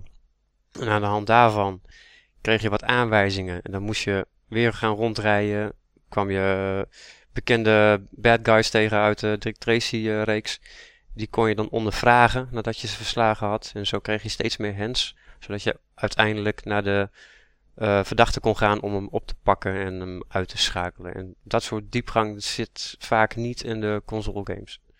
Nee, nou ja, iets wat voor mij zeg maar eh, echt er bovenuit steekt op de Amiga aan, eh, aan games die ik ook nergens anders echt terugvond. Eh misschien op de PC, maar zoals ik zei, die was een beetje buiten beeld voor mij in die tijd. Eh, dat waren point-and-click adventures. Ja, ja. Ik, Ja. ik had natuurlijk op de PC had ik wel dingen als Larry en als Space Quest gespeeld. Hè, intikken en, en dat soort spul. Dat was natuurlijk ook wel op de Amiga. Maar ja, er zijn zoveel point-and-click adventures voor uitgekomen. Eh, die, ja, die in zoveel verschillende eh, genres ook, zeg maar. Natuurlijk, de Monkey Islands die kwamen overal op uit. Maar die, ja, dat speelde je op de Amiga. Eh, dingen, andere LucasArts games zoals Zack McCracken. Eh, ja, al dat soort point-and-click adventures. eh, Legend of Kyrandia, Lure of the Temptress. ja, Lure of the Temptress, Beneath the Blue Steel. Indiana Jones. Ja, Beneath the Blue Steel Sky. Ja, Eh, allemaal van dat soort titels. En ja, dat, dat, dat was wel voor mij echt het pluspunt van de Amiga. Kijk, eh, ja, natuurlijk ook platformgames en dat soort dingen allemaal. Dat was allemaal, allemaal leuk. Maar dat, dat kon je overal wel een beetje op spelen. Maar ik had toch wel het gevoel dat adventure games eh, en real-time strategy games, dat Ja. dat zeg maar, dat was de kroon op de Amiga voor mij. ja qua RTS Ja, ik denk had dat dat wel een terechte, ja, een een terechte constatering is. Het heeft wel een chronisch gebrek aan fighters en beat'em-ups. Ja, Ja, die, vergeleken die, met joystick, die joystick met één knop deed er niet zoveel goed aan natuurlijk. Nee, is ook zo. En ik vond het altijd knap hoor. Dat je Mortal Kombat met alle moves die, je- die je op de kast had en op de consoles had met vier knoppen of soms zes knoppen al.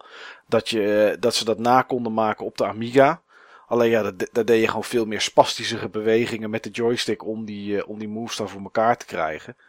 Maar dat klopt. Het, eh, het, het aanbod was niet heel erg groot. Je had wel een paar leuke ertussen zitten, zoals Body Blows bijvoorbeeld. Dat was nog wel een aardige, een aardige fighter, waarvan ik niet helemaal weet op welke platformen die nog meer uit is gekomen. Maar eh, dat, dat klopt wel nieuws. Dat was, eh, dat was er niet zoveel. Nee, en als het werd gedaan... Ik heb bijvoorbeeld twee weken terug de Amiga-versie van Double Dragon zitten spelen. Ja, Nou is dus de NES-versie van Double Dragon is al, is al bout. Is niet te besturen, lastige controls, maar man, probeer die Amiga-versie dan maar eens te spelen. Hij ziet er wel iets mooier uit. Ja, nee, dat mag natuurlijk ook wel. Ik heb het, ik heb het, die heb ik nooit gespeeld op de Amiga, dus ik durf het niet te zeggen. Maar ja, er waren er inderdaad niet veel. En dat had inderdaad wel een reden. Ja, beat-em-ups en fighters, die kun je beter overslaan. Het was alleen al, al heel irritant om Mortal Kombat op vier diskettes te gaan spelen. Want je was eerst, moest hij dat inladen dat je een character kon kiezen. Nou, en als je er dan één koos, dan moest er weer een andere diskette in. Dan, uh, nou, je, je bleef diskettes wisselen. Dus en, nou, daarna speelde het inderdaad ook niet ideaal met die joystick. Wat overigens een geweldige joystick is voor alle andere games. Maar voor fighters, nou. Nee, nee ik, ik weet nog heel goed inderdaad uh, dat ik met een kameraad van mij op de Amiga Mortal Kombat zat te spelen. En dat ik hem vervloekte als hij eventjes niet hetzelfde karakter nam als het potje daarvoor. Want dan moest hij namelijk floppen wisselen inderdaad. En dan moest hij weer inladen. En dat duurde een partij lang. Niet normaal. Dus wij speelden heel vaak potjes in dezelfde stage. Met alle twee dezelfde karakters. En dan spraken we af dat we minimaal 15 tot 20 potjes speelden. Want anders zat je alleen maar te wachten. Ja. Dat was toch wel het grootste nadeel van heel de Amiga. Het laden op flop. Maar je had toch ook een harde schijf? Ja, maar niet bij de Amiga 500. Die kon je wel kopen. Um, 20 MB. Ja, standaard zat hij er niet bij. En uh, ja, ik had daar het geld niet voor. De Amiga uh, is, was bij mij wel uit, uitgebreider dan dat hij uit de doos kwam. Ik had uh, een, een geheugenuitbreiding van 512 kb extra. En, en wat deed dat? Ja, dat zorgde dat bij bepaalde games kon je niet spelen zonder. Um, en bepaalde demo's kon, werkte niet zonder. En als je bijvoorbeeld muziek ging maken, wat ik op het moment dat ik dat kocht vrij veel deed. Ja, dan kon je wat meer samples in het geheugen laden. Het was echt gewoon puur geheugen voor, uh, voor het systeem. Um, dus dat was de eerste uitbreiding die ik had. En ik had de floppy drive. Het tweede floppy drive. Want als je bijvoorbeeld Indiana Jones en de uh, Fate of Atlantis wilde spelen. Ja, dan die was 11 diskettes. En als je dan op een deur klikte, je klikte open en, en dan op de deur moest eerst disk 7 erin, dan disk 2, dan disk 1 en daarna disk 4. En, je voelde je bijna een diskjockey, joh. Ja, dan met diskettes. Ja, dat, dat, was, e, dat was echt zo. En het meest irritante was het dan nog, en daar mag je eigenlijk niet over klagen, maar goed, dat gebeurde natuurlijk wel, is het in die tijd, wat ik zei, veel werd gekopieerd. En uh, ja, dan was bijvoorbeeld disk 8 kapot. Maar ja, daar kwam je pas achter na, een, uh, na zoveel uur spelen. En ja, daar stond je dan bij een deur waar je niet doorheen kon. Dus uh, nee, je kon wel een harddisk kopen. Maar was, ik weet niet eens wat de prijs was. Maar het zal vast enorm duur zijn geweest. En uh, ja, dat had ik niet. Dus voor mij was het echt alles op flop. Daarbij kon je trouwens ook niet alle games installeren. Dat was ook maar een enkeling in het begin. Ja, Nee, inderdaad, dat, dat kon je ook heel snel zien of je een game kon kopiëren. Of tenminste, hoe je, hem, uh, of je een game op je harddisk kon zetten door hem uh, je workbench op te starten. Dat was zeg maar een soort Windows voor de Amiga en dan de flop erin te stoppen. En kreeg je dan een error. Ja, dan kon je hem niet, kon je hem niet inlezen. Dus dat, dat waren dan de trucjes die ze, die ze wel eens uithaalden. Maar goed, floppen dus. En wisselen en heel veel en ratelen en, uh, en herrie. Je moest niet als 12 of 13-jarige denken als je ouders zeiden je moet naar bed. Hè, dan kon je met je, met je NES of met je SNES kon je er wel een cartridge in stoppen, geluid uit en kon je spelen. Bij de Amiga niet. Want dat ding trilde bij wijze van spreken van de tafel af als die weer aan het laden was. Maar ja, toch. En daar had ik het laatst met Jur over. Want Jur was toen een uh, avondje bij mij hebben we Amiga zitten spelen. Toch bracht, dat wel gezelligheid met zich mee. Want als je met z'n tweeën zat te spelen, of je nou een singleplayer game zat te spelen, of een multiplayer game, dan ging je toch ouwe hoeren tijdens dat laden. Je ging praten, want wat, wat moest je anders? En dat bracht toch een vorm van gezelligheid met zich mee, kwamen wij achter uh, vorige week. De Amiga deed eigenlijk al aan social media. Ja, je moest, je moest wel praten. Ja, maar Steve, heb jij in die tijd dan ook nooit games erop gespeeld? Ik had niemand die zo'n ding had. Uh, ik had niemand die zo'n ding had. En toen, en toen, en toen die kameraad zeg maar, van, van studentenleven uh, dat ding voorschotelde. Ja, toen heb ik wel een paar spellen opgespeeld. Uh, Fire and Ice, Turken 2. volgens mij de Amiga versie van Lemmings. Gewoon zeg maar de, ja. ja. de bekende titels, de classics. Daar heb ik er toen wel een paar van voorgeschoteld gekregen. Ik kende een aantal van die games natuurlijk wel, ook via de DOS-ports en ook uh, van uh, de Mega Drive versies. Uh, veel Mega Drive games zijn Amiga-ports en de Mega Drive en de Amiga hebben een vergelijkbare chipset. Alleen is het geluid van de Amiga gewoon veel beter. maar zo kun je toch aardig wat dingen makkelijk spelen. Nou, ik, zo kwam ik erachter onlangs, en dat wist ik niet, dat ik in de tijd van de Amiga ook gewoon Rotland heb gespeeld. Want die was er ook voor de Amiga. Klopt, en dat was de beste versie. Ja, en dat, en dat, in die tijd besefte ik me dat niet. En eh, ik had natuurlijk wel eens wat- filmpjes en dat soort dingen gezien. En ik weet dat iedereen altijd op dat ding jaagt. Zodra je hem voor de, voor de nest ziet liggen. En dan weet, je, weet iedereen ook dat je er behoorlijk wat voor mag neerleggen. En toen dacht ik van, eh, ondanks, ik zal hem eens even, eh, even de flop even maken. Zeg maar voor mijn Amiga met Rotland. En toen was ik aan het spelen. En toen dacht ik, verdorie joh, dat heb ik wel gespeeld in die tijd. En dat was nog eh, eigenlijk wel leuk ook, moet ik zeggen. Want het is wel een hele leuke game. Is ook een leuke game. Beetje bubbelbobbelachtig, hè? Ja, ja, leveltjes, elke keer weer een nieuwe, één vierkantje en, eh, en spelen. En jij dan, eh, Niels? Wat heb jij in die, eh, in, in die tijd aan games erop gespeeld? Ehm, nou, ik had er niet zoveel. En ik kende ook niemand die die games had, dus ik kon ze ook niet echt kopiëren. Maar ik kan me wel herinneren dat ik... ehm, ik heb Lemmings gespeeld. En dat was het beste platform om Lemmings op te doen. Het was trouwens voor veel van dat soort spellen het beste platform, vind ik hoor. Want wat maakte dat dan beter dan de PC, eh, Niels? Nou, de, de aspect ratio. Het leek wel of dat die game gewoon gedesigned was voor de Amiga. Dat is hij ook, Lemmings. Lemmings is, eh, is oorspronkelijk voor het eerst gemaakt op de Amiga. Ja, Als er geen Amiga was, had je ook geen Lemmings gehad. maar eh, op de PC zat soms de aspectratio anders in elkaar. Dan zag je meer of minder en dat was gewoon raar. En dat heb ik met dat spel dus gehad. Ehm, ik heb ook wel wat van die slechte platformers gespeeld. Die eigenlijk het spelen niet waard zijn. Zoals Ja. zo'n Zool of eh Wonder Dog.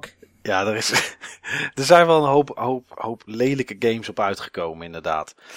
Maar wat je net zei, is, wel, was, is natuurlijk wel iets wat voor de Amiga natuurlijk wel gunstig was. Eh, bij Lemmings en Civilization en zo speelde het natuurlijk een stuk beter met de muis. Eh, en een game als Rick Dangerous of, eh, of, of Rotland speelde best goed met een joystick. En dat ding had natuurlijk beide. En dat was wel, je had voor de PC had je wel gamepads die je aansloot op je geluidskaart. Ja, één of twee games op de hele wereld die daarmee werkten. En ja, als je bijvoorbeeld SimCity op de SNES speelde, ik weet niet of de muis die daar ooit voor uitgekomen was of die daar ondersteund in werd. Durf ik niet te zeggen. Nee. Maar goed, die had, die, had niet zo, die had niet zoveel mensen waarschijnlijk, die muis. En bij de Amiga kreeg je hem erbij als je hem kocht. Dus dat was toch wel, eh, ja, dat was toch wel een voordeel. Wat trouwens wel leuk is. ehm, ik heb vroeger eigenlijk Rick Dangerous maar weinig gedaan. Maar twee weken geleden, toen ik veel Amiga games ben gaan spelen voor deze podcast, toen ben ik die nog eens gaan spelen.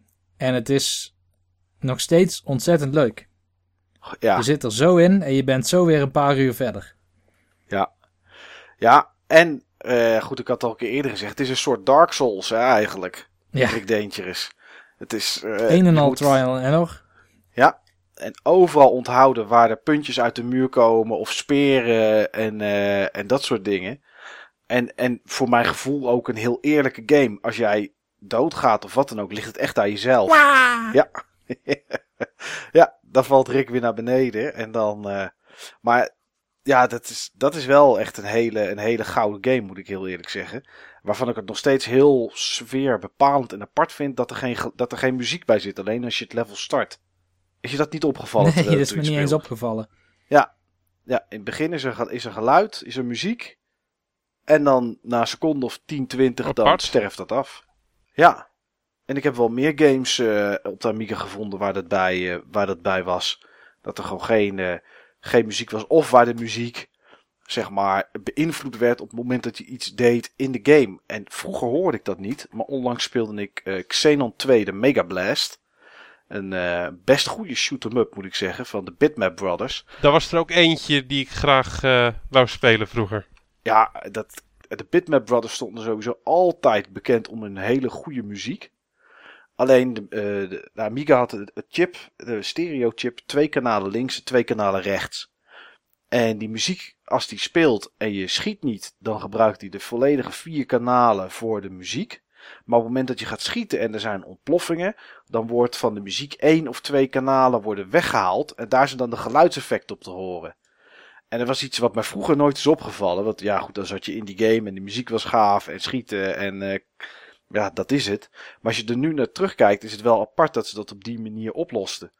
Eh, ja, muziek gewoon vier kanalen, twee links, twee rechts. Behalve als je gaat schieten, dan werd er iets weggehaald. En als je stopt met schieten, dan komt het geluid ook weer terug. Ja, op consoles zie je dat ook wel vaak op zich. Oké, eh, dit, dit is de eerste game ooit, zeg maar, waar me dat bij opgevallen is. Wat Oké, eh. Xenon 2 ook heel, heel erg goed deed. En wat het mij opvalt dat niemand dat heeft gekopieerd. Is dat je. ehm, je hebt zo'n weapon shop. Ja. En dan kun je allerlei upgrades kopen. Maar wat je ook kan doen, en dat is echt super gaaf. Is eh, voor een vrij laag bedrag. alle updates tegelijk kopen voor een bepaalde tijd. 30 seconden of zo. Klopt inderdaad, ja. Super Ja. Nashman Power of zoiets was dat. Ik kan me nog wel die stem herinneren van die vent uit de shop. Dat was een soort...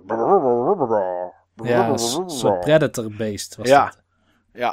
Ja, dat is, maar die is, ja, die is ook niet exclusief. Dus ergens is dat ook anders op, eh, op uitgekomen. Volgens mij Ja, op de maar DOS. ook daarbij is het weer zo van dat de Amiga het hoofdplatform was. Nou ja, wat gewoon werkte. Meestal die- met die games van de Bitmap eh, Brothers. Ja, Gods, Magic Pockets. Was, Chaos eh, Engine. Ja, ja dat waren, waren allemaal, allemaal goede games. Toch had, je, had ik het, als je het er nu zo over hebt, het gevoel dat er toen ontwikkelaars waren die eigenlijk altijd goede games maakten. Wat een beetje Blizzard, zeg maar, van nu is. Eh Psychnosis had dat eigenlijk altijd. En eh Bitmap Brothers in dit geval. Bullfrog. Ja, die waren ook altijd goed. En eh, eh, Team 17 Oh ja, ja. bestaat natuurlijk nu nog steeds, maar die hadden ook altijd... eh, Van Worms, hè? ja, van Worms onder andere, Superfrog. Worms is trouwens ook begonnen op de Amiga. Net als Lemmings. Ja, er is een hoop, hoop, hoop op begonnen. eh, Een hoop goede games.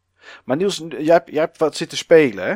Mhm. Wat, eh, wat, welke games waren nou echt titels dat je denkt van... Hé, hey, ik baal dat ik dat niet in die tijd heb gespeeld. Eh, niet in die tijd gespeeld. Even denken hoor. Nou, gek genoeg, de, de games die ik heb gespeeld, de meeste ervan, die heb ik al wel eerder gespeeld. Oké. Daar heb ik dan nu misschien een net wat betere of trouwere versie van gespeeld. Authentieker. Ja. Oh ja, ik weet er wel eentje. Eh, ik heb opnieuw Monkey Island gespeeld. Oké. De eerste. Die heb ik vroeger een keer gespeeld op mijn eh, CGA-computer. Dus dan had je vier kleuren paars of zo. Ja. En ehm, dat is mijn beleving, zeg maar. Xenon 2 trouwens hetzelfde hoor. Ik ben gewend om die in eh 5 frames per seconde te spelen. Dus dat, ik kon daar heel ver in komen. Op de Amiga zelf kom ik nog niet eens door het eerste level. Ja. Maar, Gaat het eh, net even een stukje sneller. ja, precies.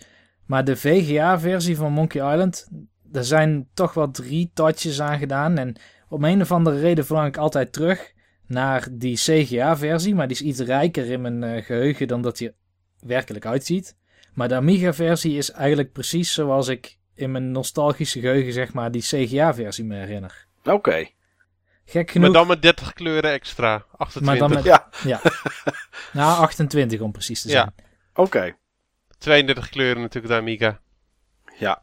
Ja, dat is wel... eh, nou ja, goed. Weet je wat, ik had natuurlijk laatst was ik bezig met de Amiga en met... eh, en omdat het vrij lastig is om die games een beetje te kopen en inderdaad de, de vergankelijkheid eh, wil nog wel eens de kop opsteken bij diskettes. Dat ze het niet meer doen. Dus ik heb wat, eh, wat games zeg maar eh, gemaakt via PC en een, en een seriële kabel. Allemaal heel eh, omslachtig en ingewikkeld. Maar toen kwam ik toch aan, aan een game tegen. En die heb ik van de week met Jur ook zitten spelen.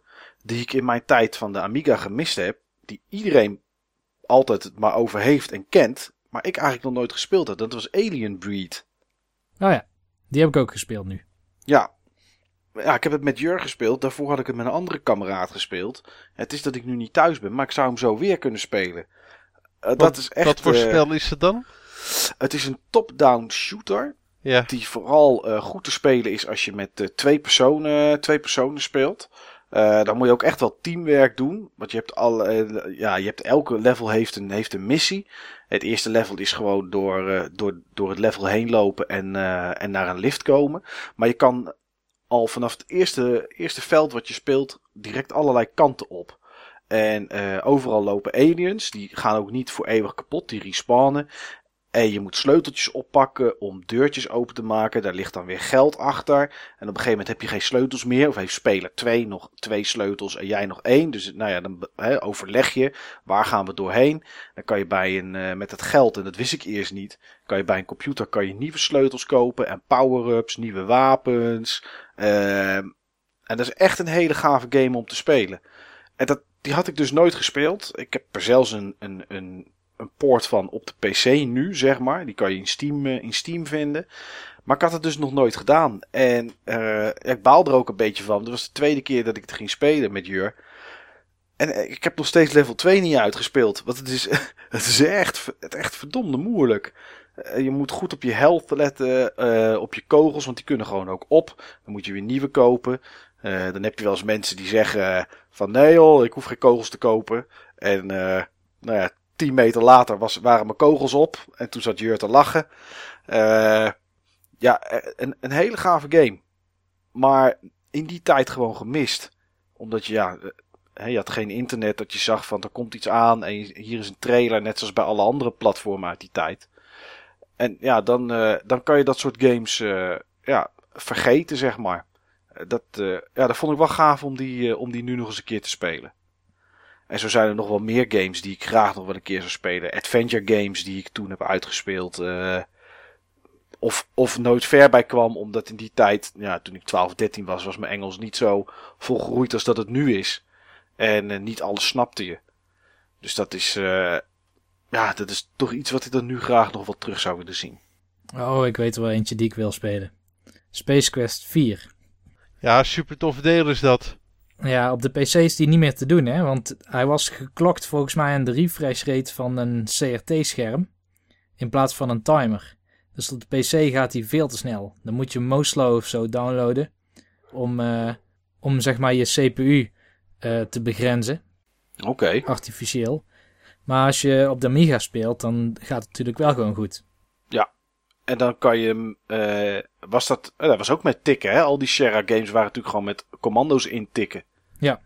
Ja, dat had ik toch ook wel het gevoel dat de Amiga dat had. Net, uh, net iets meer het randje opzoeken met bepaalde, met bepaalde zaken. Uh, goed voorbeeld daarvan, en ik weet eigenlijk niet, hij is niet exclusief, maar volgens mij ook wel voor de Amiga gemaakt, was Nuclear War.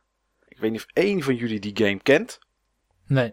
Het was een beetje een real-time strategy-achtige game. En je moest oorlog voeren tegen mensen als Gorbachev en Thatcher en Reagan en uh, nou ja, allemaal, allemaal wereldleiders uit die tijd. En je moest atoomwapens moest je maken. En die moest je op, ja, op het land gooien van de ander. En propaganda. En ja, je kon je, kon je, je moed zeg maar bepalen. Hè. Je kon aangeven of je lachte naar iemand. Of dat je of naar iemand keek. Zodat je boos was op dat land. En dan gingen ze jou ook meer aanvallen. En ik vond dat toch eigenlijk. Ja, ik vond het heel tof. Maar als je nu over nadenkt. Was dat best wel een beetje op het randje. Nucleaire oorlog. En. En dat was, ja, wat meer, wat meer seks had je natuurlijk. Hè, hadden Jur en ik het uh, laatst ook over. Dat je allemaal van die seksgames had. De Sex Olympics en dat soort zaken. En uh, ja, daar begon dat toch een beetje op, moet ik, moet ik zeggen. Dat, ja, dus het was, was een wat meer volwassen machine of zo. Uh, als ik er nu naartoe terugkijk. Ja, er zaten zeker games bij die niet echt voor kinderen waren. Je had bijvoorbeeld ook Life and Death, waarin je in een ziekenhuis werkte en bepaalde operaties moest uitvoeren. En dat kon heel verkeerd aflopen. En ik kan me herinneren dat wij ook nog een, een game hebben gespeeld. Ja. Mike die officieel niet uitgekomen is. Het was, een, uh, het was nog een demo-versie. Tenminste, dat stond erbij. Maar ja. we hebben hem wel uitgespeeld. Roll or Die, waarin je, ja, het is heel fout, maar waarin je met mensen met een handicap, uh, een, een, soort World Games of Summer Games, en dan in een rolstoel. En dan moest je zo snel mogelijk met je joystick heen en weer, zodat je in je rolstoel speed uh, opbouwde. En uh, dan kwam je tegen een baksteen aan, kieperde de rolstoel voorover en dan vloog je mannetje zo ver mogelijk weg. Een soort verspringen in de rolstoel. Ja, ja klinkt, klinkt gewoon heel ruimdenkend eigenlijk. ja. Maar kijk, je had toen gewoon geen ratingsysteem voor dat soort spellen. Nintendo had in ieder geval en Sega ook nog een soort van quality control tussendoor. Die niet alleen op bugs testen en technische foutjes, maar ook gewoon op inhoud. Of dat het past bij hun uh, doelgroep, hun afzetmarkt. Ja, en Amiga zoals, eh, zoals Michael eerder al zei, iedereen kon daar spellen voor maken. Als jij spellen wilde verspreiden, dan kon je ook gewoon naar zo'n zo'n beurs waar je direct floppies kon verspreiden of lenen of wat dan ook. Ja, dat was in, in, in, in mijn tijd was dat best wel, eh, dat soort parties of dat soort bijeenkomsten waren er best wel veel. Ik weet, ik woonde toen nog in Den Haag. En in Delft had je, eh, dat noemden ze dan computerclubs, waar mensen naartoe kwamen en gezellig met zo'n apparaat gingen zitten en dat je spelletjes kon spelen of naar suffe, stoffige programma's kon kijken. Maar er werd ook heel veel gekopieerd. Doorgaans als je binnenkwam zag je 12, 15, 20, 30 schermen alleen maar met X-copy. Waar mensen de hele dag alleen maar games zaten te kopiëren. Er hing ook altijd een aparte sfeer. Je wist dat het niet mocht. Maar het was eigenlijk toch niemand die er wat aan deed.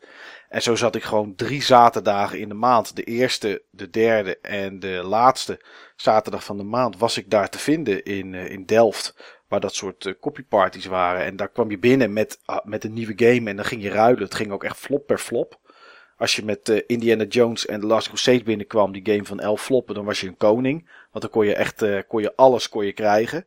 En als iemand niks interessants had, zei je, ja, maar ja, je hebt niks interessants terug. Dus dan ging het ook niet door. Een hele aparte manier van ruilen was dat, heel egoïstisch. Maar als je daar een game had gemaakt en die had je zelf meegenomen, ja, dan, uh, dan, dan werd hij vanzelf verspreid. Want die mensen gingen weer ergens anders naartoe. En zo, en zo ging dat als een lopend vuurtje, ging dat door het, door het land heen inderdaad. Ik weet nog dat, uh, dat, is, het meest foute misschien wat ik ooit gespeeld heb. Uh, dat was dan niet op de Amiga, maar op de voorloper, zeg maar, qua games op de Commodore 64. was een spelletje waar je mensen tegen de muur zette en die schoot je dan neer en dat was het. En uh, dan kon je zelf kon je ze namen geven en dan kon je je klasgenootjes kon je er neerzetten, bij wijze van spreken. En dan kon je ze neerschieten. Ja, super fout. Maar iedereen had het. En ik weet zeker dat nooit in de winkel heeft gelegen. Er was nooit iemand die dat goed zou keuren. Ja, maar zo kunnen we waarschijnlijk een hele avond uh, doorpraten over de Amiga. Vooral met jullie twee mannen. Ja, het, uh, per flop heb ik denk ik wel duizend verhalen, uh, Steve. Ik, ik, merk het, ik merk het. Ja. Maar van die duizend verhalen zijn er altijd een paar de mooiste. Althans, de mooiste games. Die bij die verhalen horen. Zullen we per persoon er twee of drie games nog een keer uitlichten. En kijken van wat de games zijn die mensen echt per se moeten spelen op de Amiga. Ja, dat is wel een goed, uh, goed idee. Als je ooit een keer een apparaat hebt, of voor deze ene keer zou ik zeggen, mag je van mij ook wel een emulator pakken. Maar er zitten wel games tussen dat ik denk, die moet je een keer geprobeerd hebben. Of je hebt het misschien op een ander platform al gedaan. Maar ja, er, er zijn games bij, die moet je gewoon gespeeld hebben. Dan mag jij als eerste, Mike. Jouw Amiga hart is toch al zo hard aan het kloppen nu. Ja, als ik, als ik er een game uit moet pikken uh, waarvan ik vind dat je die gespeeld moet hebben en die ook op de Amiga gespeeld moet hebben, dan begin ik met Super Frog. Um, is nu ook voor de PC in Super Frog HD, maar ik vind toch dat je dat op de Amiga moet spelen met een arcade joystick. Uh, een, een redelijk simpel ogende platformer, maar waar de snelheid van Sonic in zit, zeg maar. En uh, dat maakt het af en toe wel heel lastig. Ook een beetje hetzelfde als Sonic. Je moet appeltjes moet je oppakken. En als je geraakt wordt, dan, uh, dan verlies je die weer. Uh, in mijn ogen echt een geweldige platformer die je zeker, zeker gespeeld moet hebben. Een andere titel. Er komen zoveel titels naar boven. Ik pak gewoon het eerste wat in me opkomt. Die ik vind dat je echt gespeeld moet hebben. Is, zover ik weet, ook echt een Amiga exclusive denk ik, maar volgens mij misschien toch het stiekem niet helemaal. It Came from the Desert. Ik weet niet of niet jullie... volledig exclusief is ook uitgekomen op de TurboGrafx onder andere en volgens mij ook op PC. Oké. Okay. Okay. op de TurboGrafx is het wel een hele andere game. En een hele ja? slechte. Ja, ja, ja. Oké. Okay. Oké, okay, nou ja, It Came, uh, It Came from the Desert is uh, van zo'n ontwikkelaar waar ik het al eerder over had, die voor mij altijd het goed deed, namelijk uh, Cinemaware. Um, en It Came from the Desert was een een, een, een mengeling van allerlei verschillende soorten genres. Het was een beetje adventure. Het was een beetje action. Uh, ja, roleplaying wil ik het niet helemaal noemen. Maar wat er, wat, wat er gebeurde is, er was een, dorpje in de, in, in de desert, dus in de woestijn. En het werd uh, aangevallen, zeg maar, door hele grote mieren. En er werden moorden gepleegd, er gebeurden hele vreemde dingen. En het was zo'n game waar je bijvoorbeeld uh, s'nachts om zeven of s'avonds om zeven uur of s'nachts om drie uur. En dan wel uiteraard in game time. op een bepaalde plek moest zijn om iets te kunnen zien of mee te maken. Was je dat niet, ja, dan ging het over en dan, ja, dan miste je die clue of dan kon je niet verder. En uh, ja, een hele aparte sfeer hing er in die game. Heel broeierig, heel drukkend. En dat was wel, uh, ja, dat was echt een, echt een toptitel. En de laatste die ik dan wil noemen, wat als je over Amiga hebt, dan, dan moet je het over deze game hebben. En dat is Supercars 2. En nu ik het erover heb, baal ik dat ik het niet onlangs nog gespeeld heb. Het was een beetje, uh, ja, zoals heel veel race games die je vroeger had. Vuurknop ingedrukt houden om, om, om, te, om, te, om te rijden. En naar links en naar rechts sturen om je autootje te draaien. Uh, micro machines-achtige achtige besturing. Maar je had allerlei wapens en upgrades zoals mijnen en homing missiles. En ja, het was echt een super game. Supercars 2. Mocht je een keer een Amiga hebben en, en je houdt van een beetje race games, ga dat spelen, want het is uh, subliem, moet ik echt zeggen. En ik denk dat ik het daar dan maar bij mijn drie, die ik uh, zo even, even laat, Steve. Want anders dan... Uh... Ik denk dat het een mooi rijtje is. Ja, dat is het zeker. Ja, en ik hoor op grote afstand, hoor ik Jurs en Amiga Hart ook echt nog wel eens een gek tekeer gaan. Ja, zeker. Wat zijn voor jou de Amiga games, Jur? Nou, ik heb er ook eentje van Cinemaware. Dat is uh, Wings. Uh, ja, een, een, een vliegsimulatie eigenlijk over de... Over, nou, je mag het geen simulatie noemen. Over de Eerste Wereldoorlog, waarin jij uh, van dag tot dag een dagboek voorgeschoteld krijgt over de gebeurtenissen van die dag. En dan ga je een stukje spelen. Er waren drie verschillende soorten missies die je kon doen. Een, nou ja, een flight sim-achtig stukje waarin je tegenstanders neer moest schieten. Uh, van bovenaf, een beetje lineair gezien, uh, moest je dan uh, vijanden strafen. Moest je ook allemaal neerschieten. Dan zag je autootjes rijden, tanks en mannetjes lopen. En je had missies waarin je bommetjes moest droppen. Maar dan had je zo'n heel mooi rooster waarin jouw naam dan stond. En dan stond daarachter hoeveel kills je had en, en hoeveel missies je had voltooid. En dat is een game die ik nog steeds niet heb uitgespeeld. Maar ik ben hem wel aan het spelen. Ik ben al heel ver. Maar dat is echt een geweldige game. Die blijft ook leuk. Uh, een andere game waar ik echt heel veel uren in heb zitten is Sensible Soccer. En ik heb hem ook wel eens gespeeld op de SNES, maar het is allemaal niet hetzelfde. Je moet echt de Amiga versie spelen met de arcade joystick. Want dat gaat allemaal zo snel en, en, en voelt allemaal zo goed. Ik heb het onlangs wat? met... Haha, ja. wat een klof. Ja, maar jij ook hè, toen jij met Israël speelde. Toen... Uh... Ja, Israël tegen Pakistan verloor ik. Maar Nederland-Duitsland uh, kreeg je 5-0 op je, op je falie. Ja, maar dat komt omdat het 96, 97 was. Dus ik denk dat het Nederlandse team toen niet zo heel lekker speelde. Ja, dat zou ik ook zeggen. Maar wat zo gaaf is aan Sensible Soccer is dat hij ook, ook weer een game die zijn tijd ver vooruit was. Want er zat een, een management mode in, waarin jij de coach was. En dat was echt ook weer met heel veel diepgang, waarin je spelers kon kopen op een transfermarkt. En jouw spelers werden, naarmate uh, hoe ze speelden, werden ze ook meer of minder waard. En ja, dat, dat, dat kon je jaren spelen. Als je dan met zo'n klein eredivisieclubje begon, dan kon je, nou, kon je helemaal opwerken tot, uh, ja, tot Champions League kampioen of wat dan ook. Echt geniaal spel. En een derde die ik, nou, die ik als, als, als joker toch moet noemen is, uh, is Batman, de videogame. Was een system seller voor de Amiga 500 in die tijd, vooral in de UK. Dus er schijnt ook een Amiga 500 te zijn uitgekomen. Uh, waarvan de doos uh, bedrukt is met Batman dingen en zo. Kwam ik laatst achter, dus die moet ik eigenlijk nog hebben. Maar die Batman game is ook weer een hele andere game dan op de, op de NES of, of op wat voor platform dan, platform dan ook. Want je hebt een aantal uh, platformlevels, maar je hebt ook levels waarin je moet, uh, moet racen. Je hebt, uh, je hebt, je hebt shooter leveltjes, dus zit je in de Batwing, moet je schieten. En je hebt ook een level waarin je een soort puzzel hebt, waarbij je moet uitzoeken wat de ingrediënten zijn van, uh, van de Smilex, die de, die de Joker gebruikt om, om andere mensen ook uh, gek te maken. Of dood te maken zelfs. En nou, dat is ook echt een geweldige game. Hele andere game, die, die moet je echt gewoon spelen. Ik heb trouwens die Amiga Pack gezien net. Hij ziet Ja. er mooi uit. Ja, die moet ik eigenlijk nog hebben. Ik heb twee Batman games gespeeld, maar ik weet niet of dat dit dan een van die twee is. Ik heb er één gespeeld en daar eh, moet je vooral veel zwieren met, eh, met zo'n haak of een touw. Ja, dat is, ja, dat is de eerste. Die, die bedoel ik, denk ik. Die bedoel je? Ja. Oké, ja, die andere die begon meer als een soort ehm eh, Rush and Attack. Ja, Meer gewoon slaan, zeg maar. Die is heel druk, hè? Ja. Die, is, eh, die, die vind ik zelf erg eh, pittig. Ik ben dan moet je al haast cheaten, wil je, wil je ergens komen. Die vond ik ook lang niet zo leuk. Nee, klopt. Deze heeft volgens mij ook Batmobile levels, toch? Ja, ja en dan moet je, moet je racen.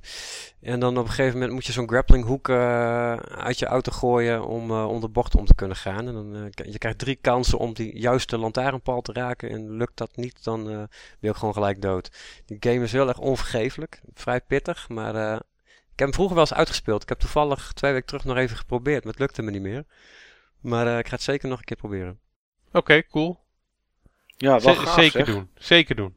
Gaaf dat daar een pack van is, dat wist ik inderdaad niet. Ik zie hem hier inderdaad, Batman pack. Ja. Ja, super zeg.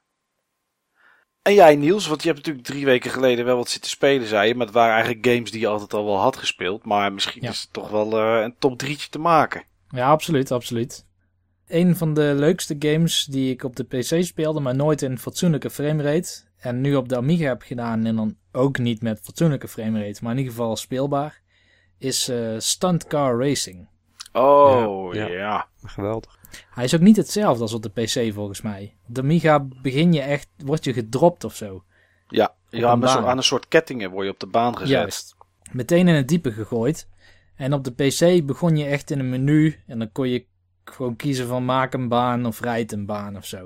Het is toch een ander soort spel, geloof ik. Ja, maar inderdaad, die framerate is, is super, super beroerd. Ja. Maar het is net te doen. Ja. Ehm, daarboven heb ik een soort duo van twee games die ik ook eerder heb gespeeld op console. Maar die beter waren op de Amiga. Dat zijn Syndicate en Theme Park. Theme Park heb ik al uitgelegd. Dat je kon veel meer doen. Je kon deeltjes maken. Je kon een full sim mode spelen. Waarin je zelf alles moest inkopen. Ook aandelen moest regelen en dat soort dingen. Ja, dat is veel dieper dan, eh, dan de SNES-versie. Waar je gewoon eh, bij wijze van spreken overal attracties neerstempelt. En wacht tot je genoeg geld hebt om het level te halen. Ehm, Syndicate is echt een compleet ander spel op consoles. Oké. Dat is ehm, bij eh, de consoleversie. En wat wel weer leuk is, die kun je met vieren tegelijk. Maar dat is een, toch meer ja, shooters. Meer shooterachtige spellen. Eh, wel met dezelfde graphics en dezelfde soort missies. Maar het leuke natuurlijk bij, eh, bij de Amiga-versie was eh, die Persuadatron. Dat je gigantisch veel agents en poppetjes om je heen verzamelde. En dat als een soort ja, schild of menselijk schild gebruikte. Wanneer je tegen de, ja, de echte slechte agents moest vechten. En de gigantische hoeveelheid wapens. Maar goed, niets van, van alles wat ik heb genoemd is zo gaaf als Civilization. Ja. Want dat, eh, ik moet wel zeggen, ik moest heel erg inkomen weer in Civilization. Het is veel omslachtiger dan hoe ik het me herinner. Je moet veel meer doen, veel meer per stad bijhouden en regelen. En Misschien is het toch wel beter hoe Civilization de laatste tijd is. Toch iets gestroomlijnder. Maar ja, ik kan dat spel zo lang spelen. Ik moest echt mezelf stoppen. Oké. Nou, eh, af en toe moet je ook eten, Niels. Dus het is op zich goed dat je dat gedaan hebt. Uh, naar aanleiding van Civilization op de Amiga heb ik het bordspel gekocht. Dus dat is ehm, iets makkelijker om eh, met anderen ook te spelen. Ik denk dat niemand in mijn omgeving zin heeft om eh, een Amiga-spel te gaan doen. Wel hoor. Ja hoor. Omgeving, je Oh ja. woont Oh, helemaal in het ja. noorden. Ja, nee, oké. Echte omgeving zijn we inderdaad niet. Dat klopt, eh, Niels. Nee. Maar, ehm, maar ja, dat dus. Oh ja, ik wil nog één ding toevoegen. Nu ik zoveel heb uitgezocht over de Amiga en de games, en die ik al dan niet op het systeem zelf heb gespeeld, denk ik wel dat voor heel veel mensen waarschijnlijk eh, de golden age of gaming geweest moet zijn. En nog steeds is. Waar dat voor velen de SNES is, en om hele goede redenen. Voor mij persoonlijk is dat ook denk ik meer de console kant, of de SNES eh, specifiek dan dat dat mijn golden age van gaming is, denk ik dat dat voor heel veel mensen die misschien nog net iets langer al meegaan, de Amiga geweest moet zijn.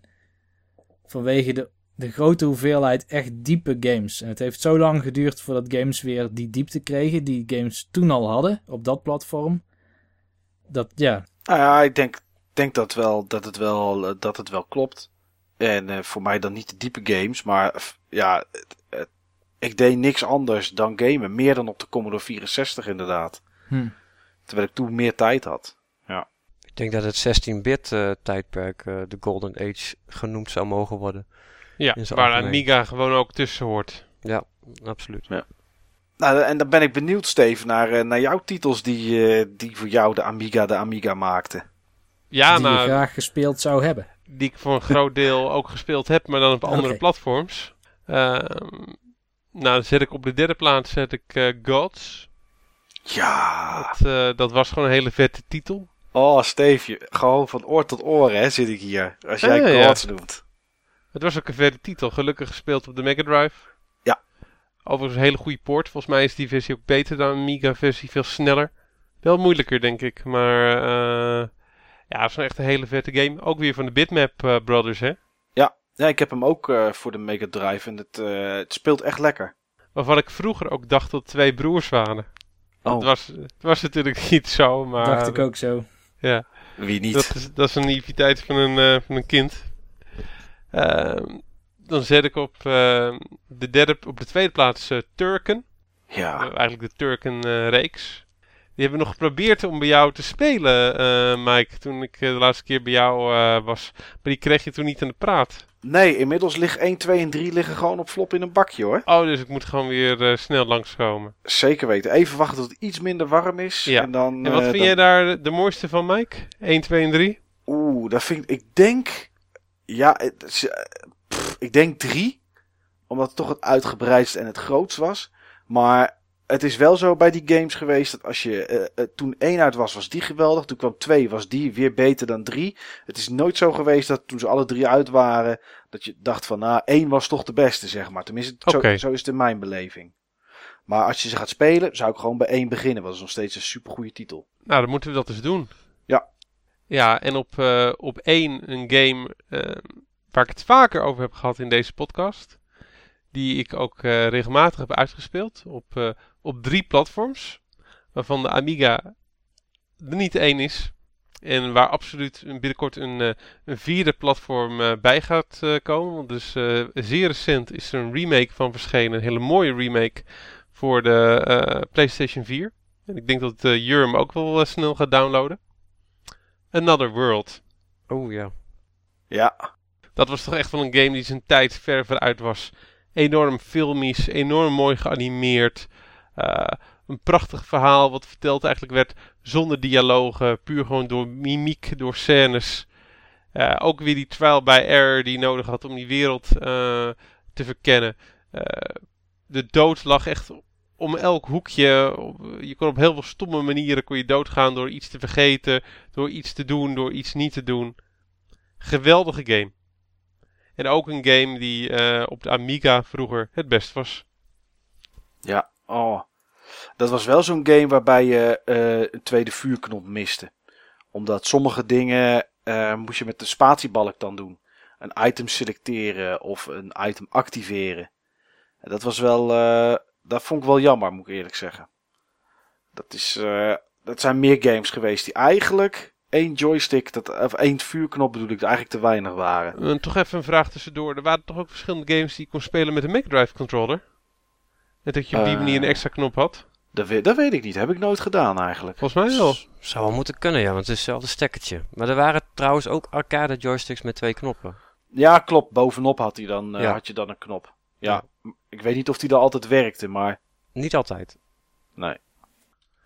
Maar als eh, niet-Amiga-eigenaar en niet-Amiga-gamer heb ik zo toch drie mooie Amiga-games uitgezocht, toch? Ja. Nou, zeker weten.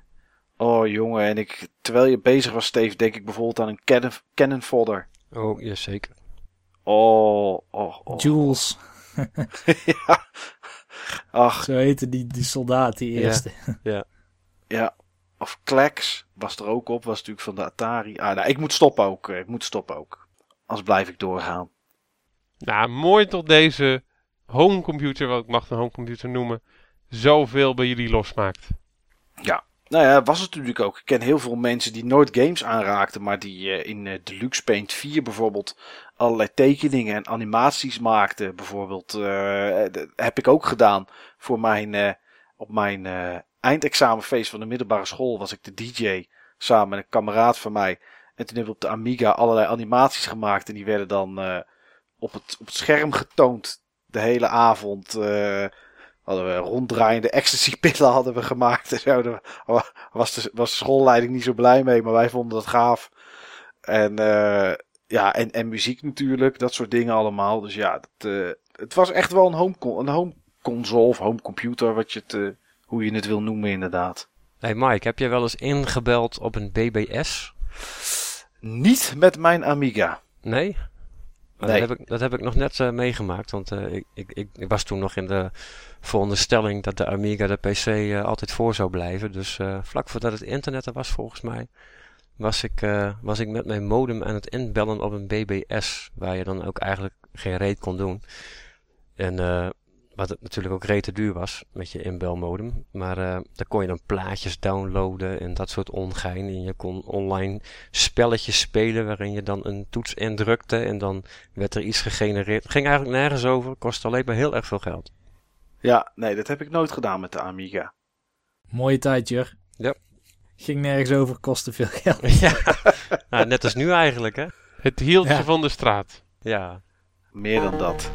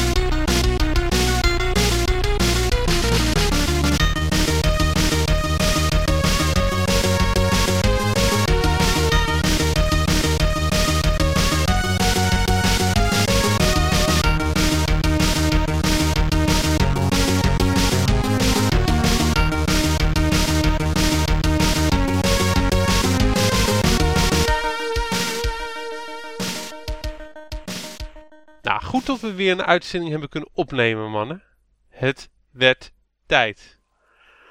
En dat midden in de zomer met vakanties en alles. Ja.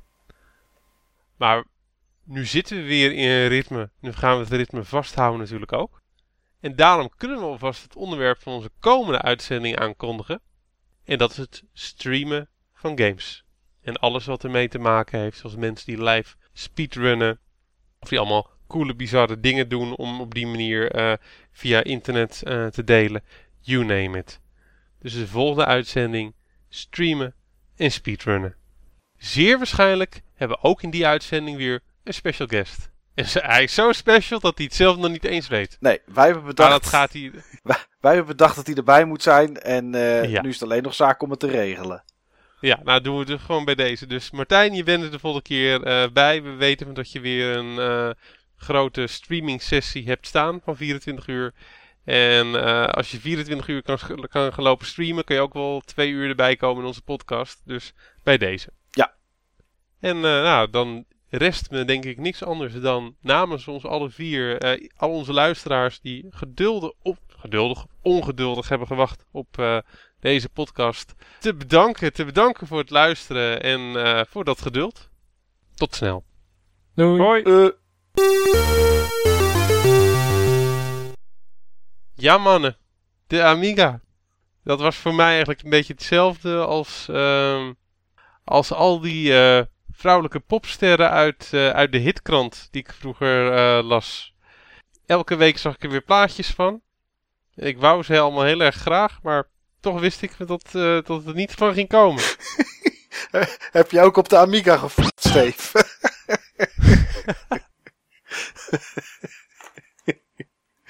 oh, haal er maar uit. Ja, wie beter kan, moet het beter doen.